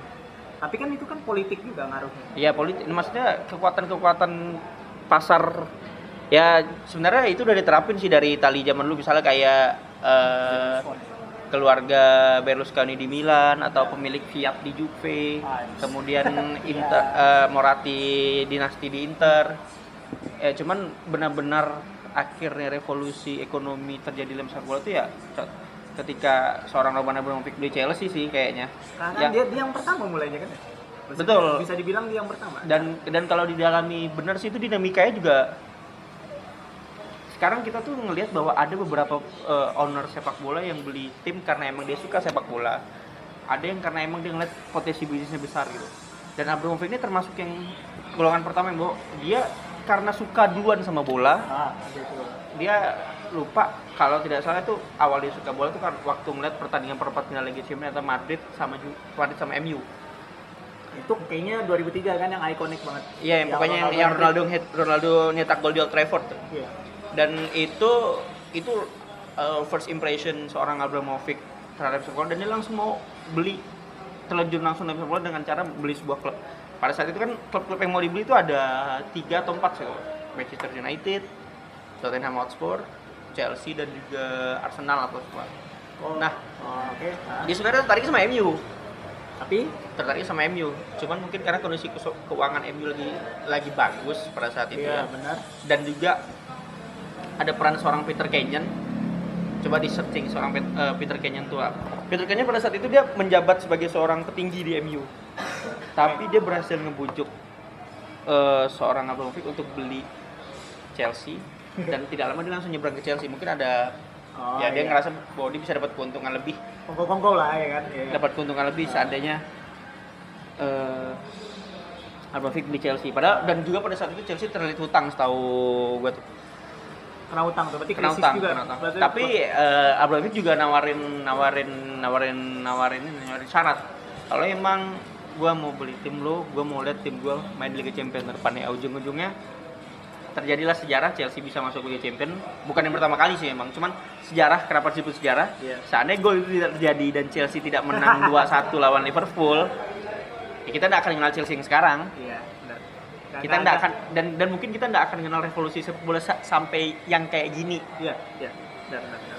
Akhirnya kan akhirnya Inggris menjadi apa namanya liga-liga Inggris Betul, sebuah menjadi, kayaknya dulu Inggris Inggris dulu kayaknya bukan dipandang sebagai ah, nggak, nggak, nggak, bukan kekuatan gitu karena di Piala Dunia dari tahun 9 Liga Champion pertama sampai eh, Liga Champion pertama sampai 2018 Ah, ini 2018. 2018. Yang juara yang juara itu kan hanya pernah MU dua kali, Liverpool. Liverpool dan Chelsea. Lah, tiga doang. Ya, itu juara Se- modernnya. dan, dan juara sebelum modern. Abramovich beli Chelsea hanya Liverpool hanya MU aja tahun 98. Nah, ah, iya. Padahal itu eh, Milan Milan dua kali Milan Milan Juve sudah pernah juara sebelum itu Iya, sebelum Milan. 98. Berarti di- Madrid udah dua kali berturut sebelum Ada dua kali berturut-turut. Bayern Munchen dengan Bayern Munchen kemudian bahkan bahkan Dortmund Ajax pun sudah pernah juara gitu. Asli. Liga Inggris tidak pernah dipandang Sama maksudnya tidak tidak pernah dipandang sebagai sebuah kekuatan sepak bola utama pada Iya, dan jadi kayak investornya never beat beat the eye. Jadi kalau Nah, ah udah lewat aja. akhirnya datang Abramovich beli dengan semangatnya beli Chelsea dan ya mungkin di, di musim pertama dia bisa dikatakan tidak berhasil cuman ya wajar lah ya. Which is, which is lu baru lu baru baru, masuk. Baru juga masuk baru gitu masuk, masa mau itu? eh, ke dalam industri sepak bola Ah, langsung beli pemain-pemain dan emang pemain-pemain yang dibeli juga enggak semuanya enggak, eh, enggak semuanya top. Ada yang flop ya. kayak Adrian Mutu langsung kena Mutu. kasus kokain di musim pertama. Ah. Johan Sebastian Veron. Nah. Nah habis itu di Lego ke mana sih? Lazio ya? Ya lupa mungkin mana tuh. Eh, kemudian di tahun pertama dia cuman berhasil finish di peringkat 3 nggak salah Ranieri dipecat dibeli seorang di Special One Jose Mourinho dan itu Oh, iya. benar-benar dari situlah sejarah Chelsea modern sekarang dimulai. Tadi ada sejarah yang klasik. Terus habis itu ada yang 2004 modern. 2004 Mourinho datang terus langsung ngasih juara di gelar di gelaran musim pertama yang latih. Ah, dapat Carling dulu, baru dapat dapat piala Carling dulu, baru dapat piala baru dapat juara liga dan juara liga pertama setelah sebelum sebelum lima setelah 50 tahun yang lalu gitu. Oh, iya. Dan itu mutus mutus dominasi MU. Karena musim sebelumnya MU MU dan Arsenal yang juara. Tahun tahun selanjutnya juara back to back. Oh back to back ya? Berarti Oh. ah, back to back, back to back. Nah, semenjak itulah dan ya dengan pemain-pemain yang pemain-pemain bintang yang mulai berdatangan ke Liga Inggris tuh. Ada Balak, ada Shevchenko. Ya. eh, Tapi kayaknya Shevchenko tuh kayak kurang. Ya di luar dari klubnya tapi dia sukses ngebangun Iya. sebuah brand image pakai Chelsea itu sendiri. Jadi kayak orang tuh Dan dia dibeli juga karena kepentingan politik sih karena dia teman baiknya Abramovich. si itu tuh si Shevchenko. Bukan karena katanya isunya istrinya memang mau anaknya sekolah di Inggris. Nah, itu Jadi itu for for tuh kemarin pernah baca aja gitu. Ternyata waktu di wawancara eksklusif tuh si Stefanya bilang gitu kan istrinya pengen anaknya bisa bahasa Inggris jadi dia pengen sekolahnya ke apa pengen disekolahin di kan nggak mungkin kan di Itali belajar bahasa Inggris kan? Nah Itali kan pasti keksi gitu. Belajar ke Inggris akhirnya mereka cabut ke London. Gitu. terus selain Abramovich akhirnya investor mulai berdatangan kayak Syekh Mansur ya kan? Awal-awal dikatain kan dibuat meme gitu kan. sebelumnya bukan sama masuk di Taksin dulu. Eh, eh, iya, Taksin 2007, sorry, 6 7 ke 6 gitu, yang pertama pembeliannya adalah Robinho Robinho juga sampai sampai waktu itu di dia sampai diwawancarain Robinho, Rob, Rob, saya baru tahu ada Manchester lagi gitu selain Manchester United Dan itu dari itu dia nikung Chelsea sih. Itu udah hampir deal Awal- sama Chelsea. oh, mau ke Chelsea Robinho pada saat itu. terus habis itu Georgios Samaras gitu siapa lagi ya Iya, Rocky Santa Cruz. Ah, Roti Roko Santa Cruz terus eh Tevez belum. Tevez zamannya Syekh Mansur ya gitu ya. Taksin selesai, eh, tidak terlalu berhasil, datang Syekh Mansur, terus dia membeli Manchester City ya kan. Habis Dan itu, tahun pertama juga enggak enggak langsung sukses dia. tahun pertama nggak langsung sukses, cuma tahun kedua kayaknya dapat Piala FA ya, yang ngalahin hmm, Tottenham kalau nggak salah. Bisa dicek lah nanti 2010, oh, 2010 kan 2009.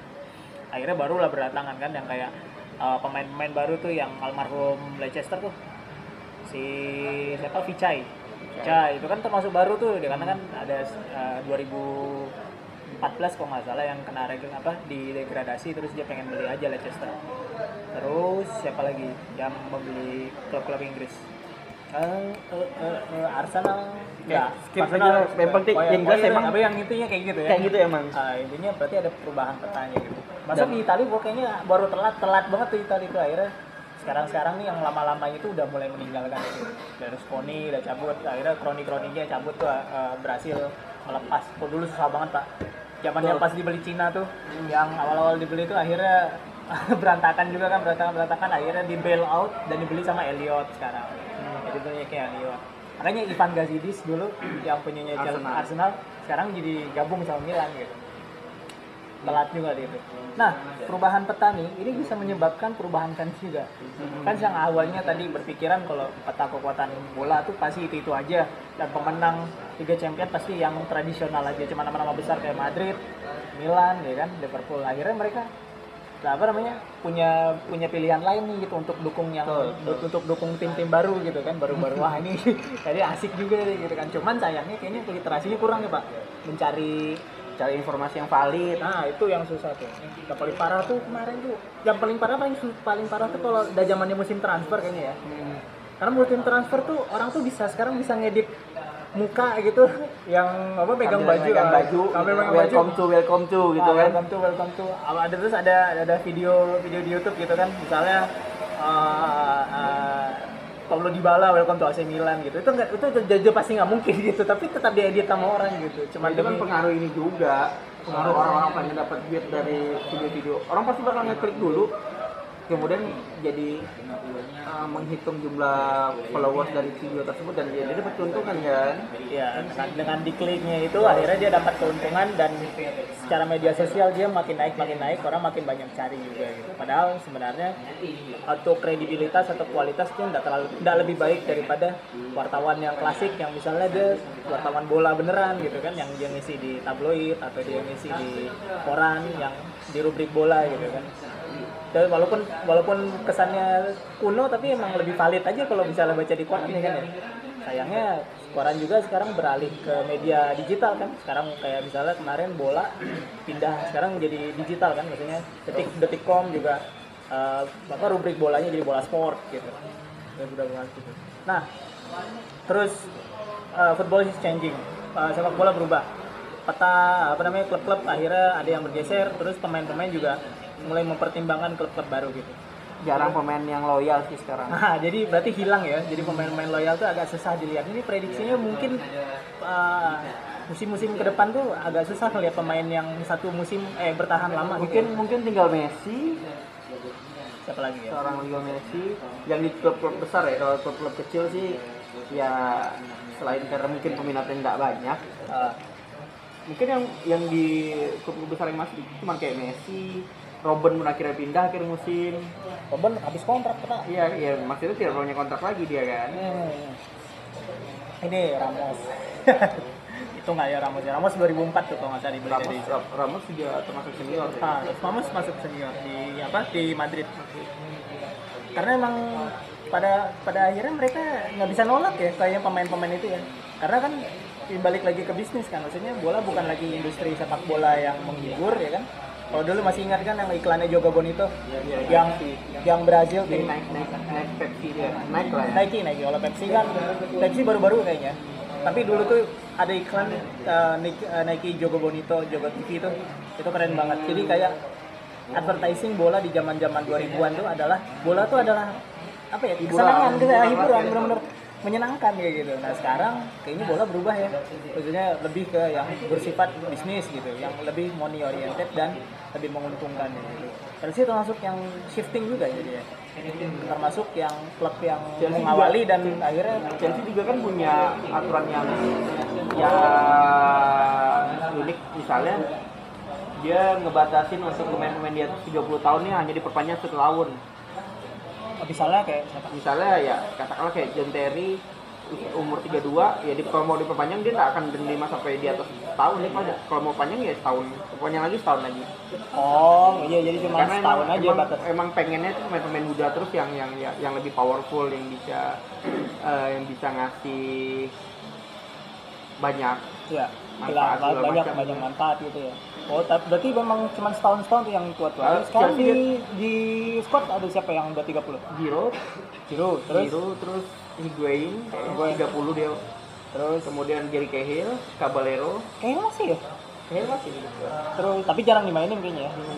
Caballero, Caballero terus Hazard Robert Green ya? Hazard Hazard dia 28 Hazard. Willian Willian dan Pedro mungkin tahun ini dia masuk 30 deh Oh, Pedro ya. Pedro Pedro tuh kayaknya mukanya nggak berubah-ubah deh. Dari dari zamannya dia di zamannya dia di Barca di Barca kayak gitu dan, aja. dan dan dan Pedro ini, ini mungkin oke. Cuman Pedro ini termasuk pemain yang yang seharusnya tim mana pun yang punya Pedro bersyukur karena dia sadar dia bukan pemain bintang utama.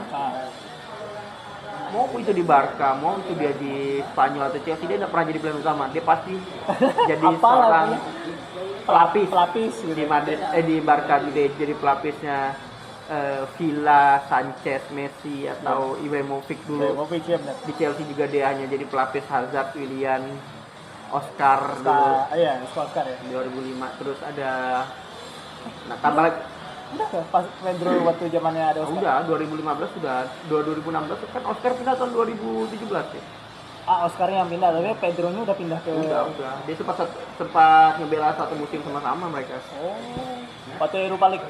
Lah ya, bukan ya?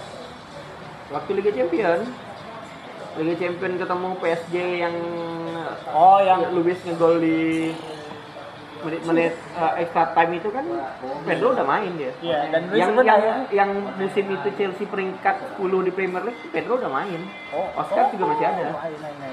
Terus akhirnya musim eh, habis itu musim berikutnya David Luiz kayaknya dipulangin lagi ke, ke PSG apa ke Chelsea dari PSG itu. dia faktor konten dia sih Oh, itu waktu Oh, jadi cabut sebenarnya kan gara-gara bukan pindah ke Chelsea karena dibeli Conte. Kon- dan Conte pun milih milih seorang David Luiz. Kayaknya emang eh, karena gagal dapetin Bonucci karena Conte ini kan tipikal pemain yang dia butuh seorang back yang tenang di belakang yang bisa ngumpan baik dari belakang. Oh, bisa main long play apa long ball long ball, long ball, long ball. dan itu memang dimiliki oleh atribut ini dimiliki oleh Pad- oleh Bonucci sih waktu dia di Juve Ah, iya. dan kemudian coba diduplikasi di Luis dan sering berhasil. Walaupun mungkin secara defensive error memang Luis itu berbahaya sih. Ah. dia sering berdefensive error Karena dia dia nggak tenang gitu kalau megang bola gitu. dan dan dia juga terkesan tidak luas kakinya. Ah, seperti John Terry sih. Cuman Ah. dia eh, covering positioningnya bagus ya Iya, cuman kalau kayak di suatu waktu tuh kayak nggak tenang gitu. Kayak kayaknya sering gerasan gerasan gabut-gabut gitu. Jadi agak aneh aja sih sama Iya. Luis. Padahal Luis tuh waktu itu sebelum waktu masih di Benfica tuh sempat diisukan pengen ke Milan pak. hmm. Sempat kadang kan Milan butuh pengganti Nesta kan. Dan Thiago Silva kan akhirnya dilego ke eh, PSG. Terus itu dia- itu Chelsea deadline deadline winter dapat itu winter transfer itu oh iya winter transfer. di tanggal 31 Januari bersamaan dengan dia dapat si Torres. Oh iya. Diperankannya mereka sama-sama. Eh, 50 million man. Dan memang golnya ke Barca itu nilai bernilai 50 bernilai. million has just repay. Iya, waktu komentator yang bilang kan, Iya. pada saat Peter Drury bukan sih? lupa aku. Pokoknya pada saat Dia gol, golin golin itu.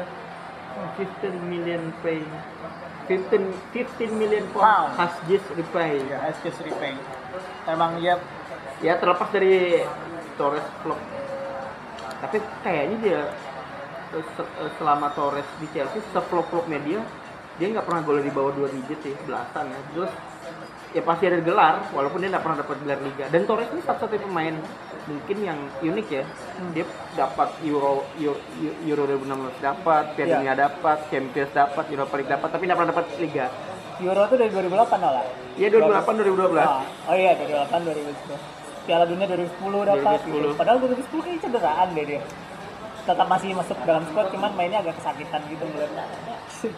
dan dia dia belum pernah ada koleksi juara liga sama sekali. sama sekali Oh iya dari Liverpool ya Pak. dari Liverpool dari di ATM Liverpool kemudian ke Chelsea dia belum pernah juara liga Tapi nggak pernah mengecewakan sih selama main di Barca. Oh sih selama main di Camp Nou ya soalnya Iya. selalu bisa ngegol selalu bisa ngegolin dan waktu ia balik lagi ke ATM kan itu Masih kan- ngegol juga. iya, itu masih gol dan the, the apa the most heartbreaking moment tuh waktu dia kalah sama Madrid tuh yang Iya. itu wah itu sudah udah parah banget dia kalau sudah ya kasihan gitu aja. Dia dia udah pengen pengen dapat trofi lagi sama Atletico malah dia apa nggak dapat tapi musim berikutnya langsung dapat ini pak.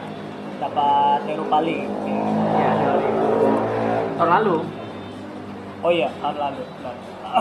Tapi Dan- sebenarnya dan ini ah ini sekalian nih sekalian. Itu merasa bosan gak sih kalau misalnya yang akhirnya sering juara tuh adalah cuma Liga Spanyol dari dari apa represent dari perwakilan Liga Spanyol kalau misalnya kayak Liga Super tuh pasti nanti ketemunya kalau nggak Madrid sama Atletico yaitu Madrid sama itu pernah ngerasa Kalau males-males bosen- gitu nggak sih? Boston sih enggak sih cuman memang harus disikapin bahwa yang yang kenapa akhirnya Spanyol terus yang menang karena saya rasa dia berimbang antara dia punya pressure di liga kemudian punya mental juga di kompetisi interkontinental. Kompetisi interkontinental maksudnya? Ini contohnya kayak comeback kemarin ya nah, comeback seorang M, eh, comeback MU nah ini atas kita PSG ya sekarang kita masuk juga gitu. Terus apa? Ya, ini kaitannya bahwa memang kompetisi itu nanti berpengaruh terhadap mental para mental klub-klub itu sendiri. Kompetisi di domestik ya oke nah. berpengaruh pada mental-mental eh, tiap klub ketika berlaga di laga-laga interkontinental yang laga-laga interkontinental laga-laga hidup mati setiap bertemu nah, ya maksudnya kalau kalah ya kau nggak ada kesempatan lagi untuk Iya, iya. lu nggak ada kesempatan lagi untuk bisa menang karena lu cuma dikasih jatah dua dua match doang tiap Iya. bertemu gitu kandang kandang kayak kandang, sama kandang-kandang. kandang Nah, itu sama-sama adil ya. Main di kandang lu sekali, main di kandang gua sekali gitu. Ah, kalau lu eh, kalau lu punya kalau di, di kandang lu lu masih bisa balas kandang gua, itu sebaliknya gitu. Ah. Beda dengan liga maksudnya yang yang eh, panjang itu kenapa gue lupa pemain mana yang pernah bilang kalau dibandingin antara juara kompetisi Eropa dengan liga Liga.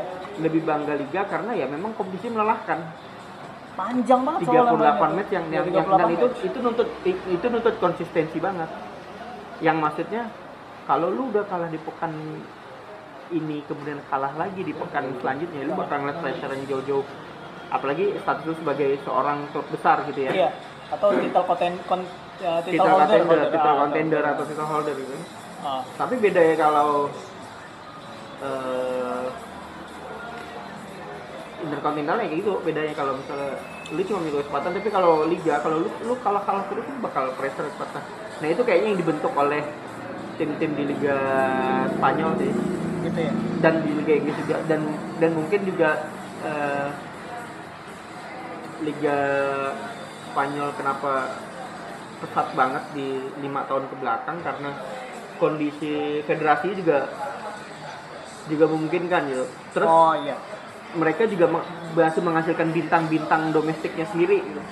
ya ya. Dan Tanpa- itu tanpa- laris ta- ah, dan, dan tanpa perlu diekspor sana sini tanpa ya. perlu diimpor sana sini. Dan itu dan bintang-bintang mereka jadi tuan rumah di negara mereka sendiri. Ya bukan dia bermain di tempat lain. Seperti halnya misalnya, misalnya kayak Iniesta ya, kayak di Barca Iniesta dulu pada waktu waktu on fire Barca ya Puyol, Valdes. Iniesta, Xavi, Busquets, Pique Pique. Nah itu orang-orang asli ya asli Spanyol, Spanyol, gitu. dan kemudian, mainnya emang di Spanyol Kemudian gitu. di Madrid ada Casillas, Ramos Ramos, Isco misalnya. Oh. Kemudian muncul lagi kayak sekarang ada Asensio Asensio atau misalnya kayak di At- Atletico Madrid mereka punya Koke, Ah. Juan Fran, Saul Niguez. ya Saul Niguez keren Nah itu karena mereka eh, pemain-pemain mereka menjadi tuan rumah di negara mereka sendiri.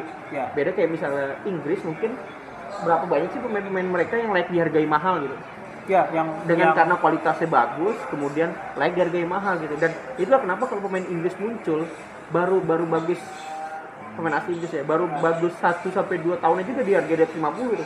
Contoh kayak misalnya Jordan Pickford kemarin mau dibeli Chelsea, eh, Everton nggak mau ngelepasnya di atas 50 padahal cuman karena bermulakan dia bermain gemilang di Piala Dunia 2018 Ah, Rusia. ya.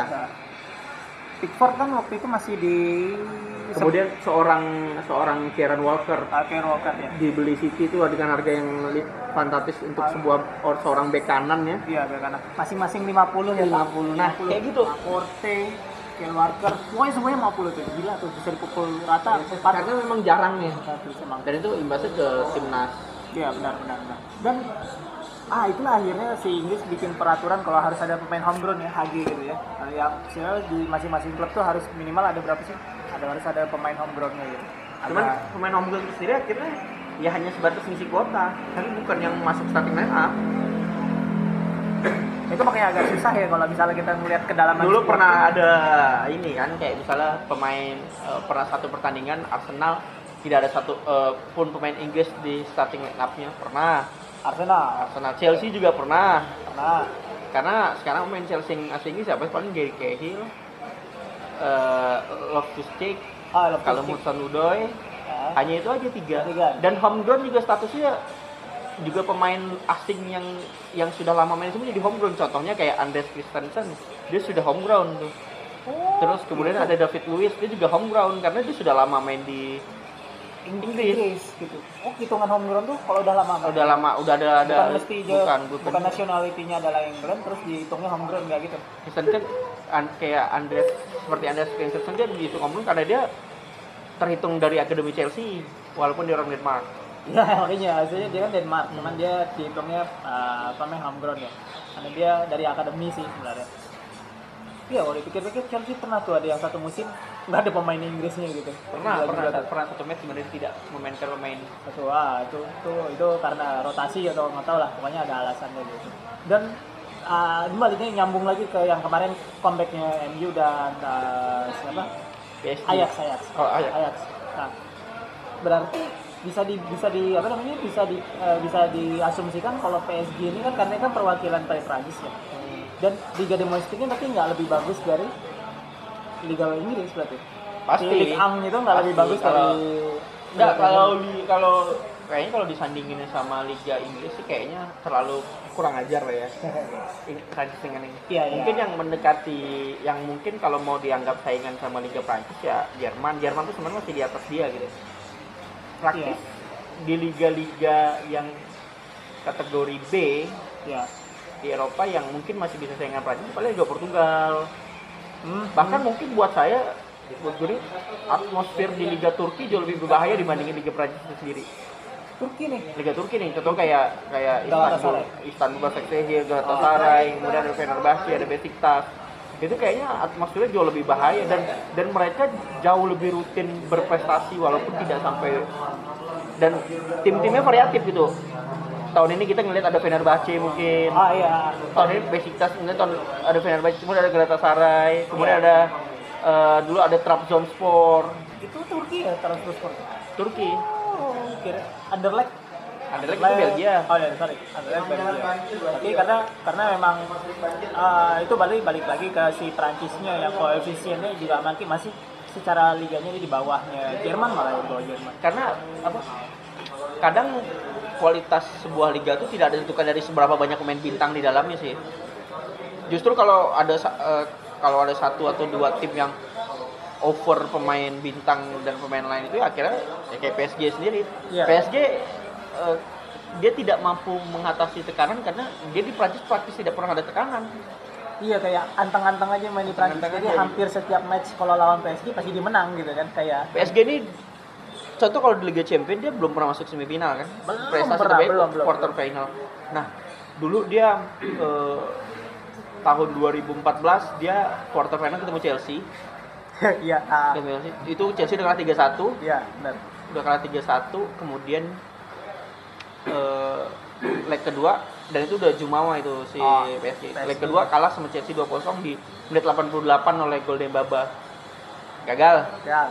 kemudian musim selanjutnya mungkin dia tidak sampai hanya 16 besar atau gimana saya lupa kemudian ada juga kalah de- dengan Madrid Ya, itu juga ada kalah sama Madrid. Madrid kemudian itu tahun lalu ya Yang paling parah kalah sama Barca, Pak.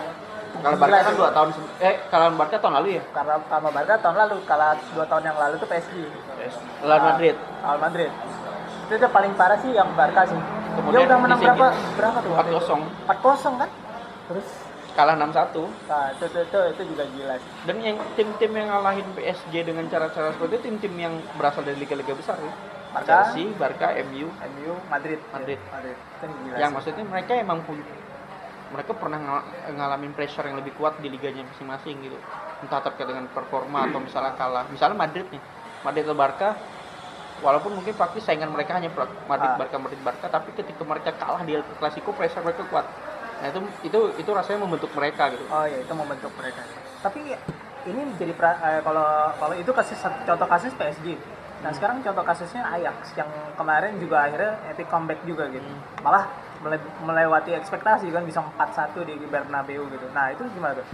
Ajax dia berhasil memanfaatkan momen di mana kelihatan bahwa Madrid belum bisa keluar dari momen kelamnya dalam beberapa periode sebelum pertandingan itu kan Ya, kalah dari ya, dua ya, kalah ya. dua kali El Clasico kemudian juga rentetan hasil buruk dan Pergantian pela- pelatih yang pelatih. Terus sama Solari. se- punya cap bahwa mereka tidak akan sukses tanpa Ronaldo dan itu berpengaruh dan Ajax juga kalau dilihat dia sebenarnya dari leg pertama juga bagus mainnya musuh total football banget gitu dengan pemain-pemain terlepas dari kontroversi ya kan. Ah, kan sempat VAR itu apa namanya terlihat membantu katanya. yang bola hampir keluar itu ya Ya, betul. tapi di luar dari itu pun Ah, udah luar itu Ajax bagus. Ajax kontrol pertandingan Oh iya, kontrol dan dia layak menang untuk untuk effort mereka pada pertandingan effort mereka pada pertandingan itu layak, layak menang sih. dan Madrid emang sedang sedang diuji Ya. dalam masa-masa yang berat amsyong-amsyongnya lah gitu kan lagi kan habis itu tapi dan dipermalukannya ngeri juga sih 4-1 di kandang sendiri lagi kan bukan di kandang Ajax Madrid gitu. Madrid musim ini kalah 10 kali loh di La Liga. Musim ini. Sudah dan 10 Portikara kan masih peringkat 3 kayaknya. Dan itulah eh seandainya itu main di Liga Inggris mungkin peringkatnya udah peringkat 11 atau peringkat 9 karena kalah 10 kali dan bukan tintal karena bukan title memang contender gitu karena title challenge. gap poin antara klub tiap klub di Inggris tuh relatif lebih pendek. Pendek dan dia dan dan kita nggak bisa ngatain bahwa performa mereka bagus terus bakal bertahan minggu ini minggu minggu enggak bisa bisa. Ya kayak Di misalnya contoh mudah lah yang kemarin uh, Brunley kayaknya ya menang gitu kan. Hmm. habis itu uh, dia kalah di, di pertandingan berikutnya. Tapi peta kekuatan itu ya. Tapi kan kayaknya anomali ya itu kayak kayak kayak musim lalu siapa? Tim yang tiba-tiba si Roma sampai semifinal itu kan gila juga tuh dan sekarang ini berantakan dong Roma sampai dipecat si apa di Prancis Iya, dan ya memang itu mungkin uniknya sepak bola sekarang ya. Dan saya bersemangat lagi nih nonton sepak bola karena eh, banyak harapan yang ditawarkan. Misalnya kayak di Italia ini kayak udah mulai menggeliat. Betul. Ah, dan dan dan Walaupun mungkin menggeliatnya tuh sebatas untuk mencari pesaing utama Juve ya. Bukan mencari eh bukan mencari siapa yang bisa jadi juara, tapi mencari siapa yang bisa bersaing sama Juve. Gitu ya. Bedain maksudnya bersaing menjadi juara ini maksudnya Juve terlibat di dalamnya gitu. Ya, ya, ya. tapi bersaing menjadi pesaing Juve ya udah Juve bakal juara tapi tinggal nyari siapa sih yang bisa gangguin dia gitu. Ya, ya, siapa yang kalau kayak kayak Napoli gitu kan Hmm. bangsa-bangsanya Napoli pernah gangguin dia. Napoli, Roma, Tapi Lazio, akhirnya tadi Fiorentina, tetap Inter, akhirnya kayak gitu. Juve aja yang menang. Juve aja yang menang. Eh, sama kayak kalau di Bundesliga. eh, Bundesliga berarti Dortmund sama sama Bayer lah dari itu kan pacuan kuda lah gitu. Berarti dan tapi ini juga nih, ini fakta menariknya di eh, liga eh, di Serie A gitu.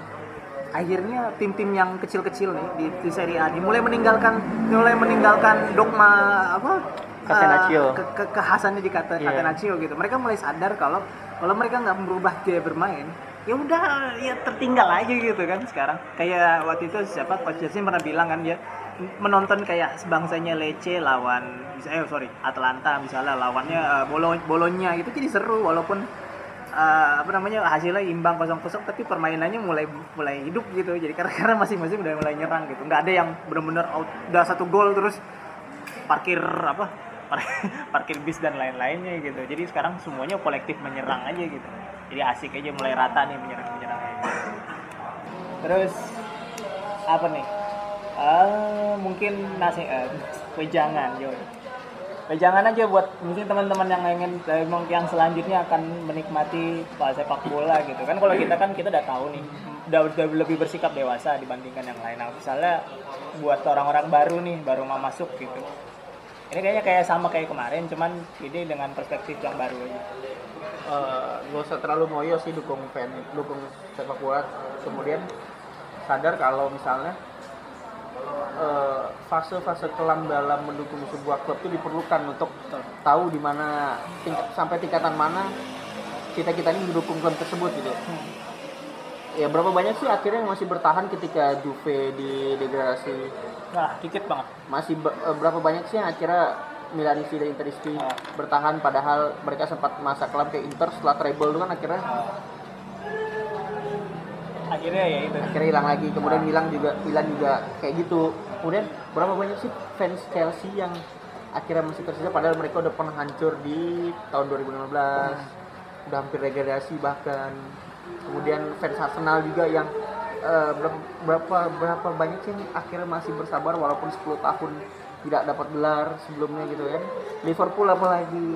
Milan. Kenapa eh, nah yang akhirnya ketika kita sudah sampai mendukung tim tetap mendukung sebuah tim walaupun tim itu udah seperti tidak menawarkan harapan lagi ya di situ berarti memang kita tuh lulus dalam mendukung sebuah tim sepak bola bukan berdasarkan hasil dan capaian dari klub itu sendiri gitu. ya dan lebih matang aja gitu dalam matang dan, lebih dan lebih matang dan lebih lebih bisa ngontrol emosi sih kalau misalnya bilang ah lu dasar dukung Chelsea ah Iya. buat gue tuh disgraceful of Monyok. sepak disgraceful of Ah. football itu sendiri gitu ya. Ya mencederai sepak bola eh, mencederai mencederai cara mendukung sepak bola itu sendiri ya kayak gitu. Lu lu hina tim eh, fans tim lain eh, apa decul di demi yang yang aduh bocah banget sih. Ya mereka mungkin perlu dididik aja dan nanti mungkin ada saatnya mereka matang juga sih. Semoga aja gitu kan Semoga semoga, aja. aja. Dan dan yang nggak ngilang aja gitu kalau dan yang penting nggak usah tuh banyak follow follow kayak flashball. Sebuah ini campaign. Jangan jangan jangan. Lebih baik banyak banyakin baca artikel luar negeri misalnya ya kalau kalau di Inggris tuh kayaknya yang masih kompatibel selain Sky Sport misal Daily Mail. Ya dan juga ini kayak kalau di YouTube ya Tifo Football Football Daily gitu bisa ditonton dan memperkaya aja lah ya. Terus ada manfaatnya juga ikut kompetisi eh ikut komu- bukan komunitas maksudnya ikut main di fantasi football manager tuh Yes. ada manfaatnya sih. Paling Iya, enggak kita tahu pemain-pemain mana yang emang karena kita dibat kita dibat menyusun sebuah tim dibatasi dengan budget tertentu tuh tantangan tersendiri sih jadi kalau kita hanya sekedar mengandalkan nama besar ya berapa banyak sih nama besar yang akhirnya bertahan di kompetisi football manager itu yang Ya, ya. bisa bilang poin justru banyak Ah. nama-nama yang sebenarnya tidak diperhitungkan gitu kan dan Iya, berhasil iya. bilang poin dan akhirnya maksimal. menambah wawasan juga oh pemain Wawasan. ini bagus nih formnya gitu oh pemain ini punya kelebihan di dalam kemampuan ini nih interceptnya bagus nih akhirnya tahu sendiri dia Oke, thank you, Bill. Sip. Sudah ngobrol panjang banget soal ini. Ini nanti bakal jadi uh, double podcast. Berarti nanti aku gabungin yang setiap rekaman. Pertama. dipilih-pilih aja nanti. Ah, siap. Ah, siap. Oke. Pokoknya tahun ini prediksi Liga Champion juara tuan rumah di Wanda Metropolitano. ATM bakal juara. Kalau dia berhasil nyingkirin Jupe, insya Allah ATM juara. Oke, sip. Thank you, Del. Sekalian itu jadi penutup. Nah, kita udah satu jam ngobrol lagi sama Pak eh, Pak Idil tentang sepak bola, perubahan di sepak bola. Habis itu apa aja yang bisa diambil kalau ke sebagai fans baru atau orang-orang yang mau nikmatin bola ke depannya. Listen Up Podcast hadir di Google Podcast, di Spotify, di iTunes, dan di beberapa platform eh, podcast lainnya. Teman-teman bisa dengerin di mana aja. Thank you yang udah dengerin. Mari mendengarkan untuk dengarkan. Ciao.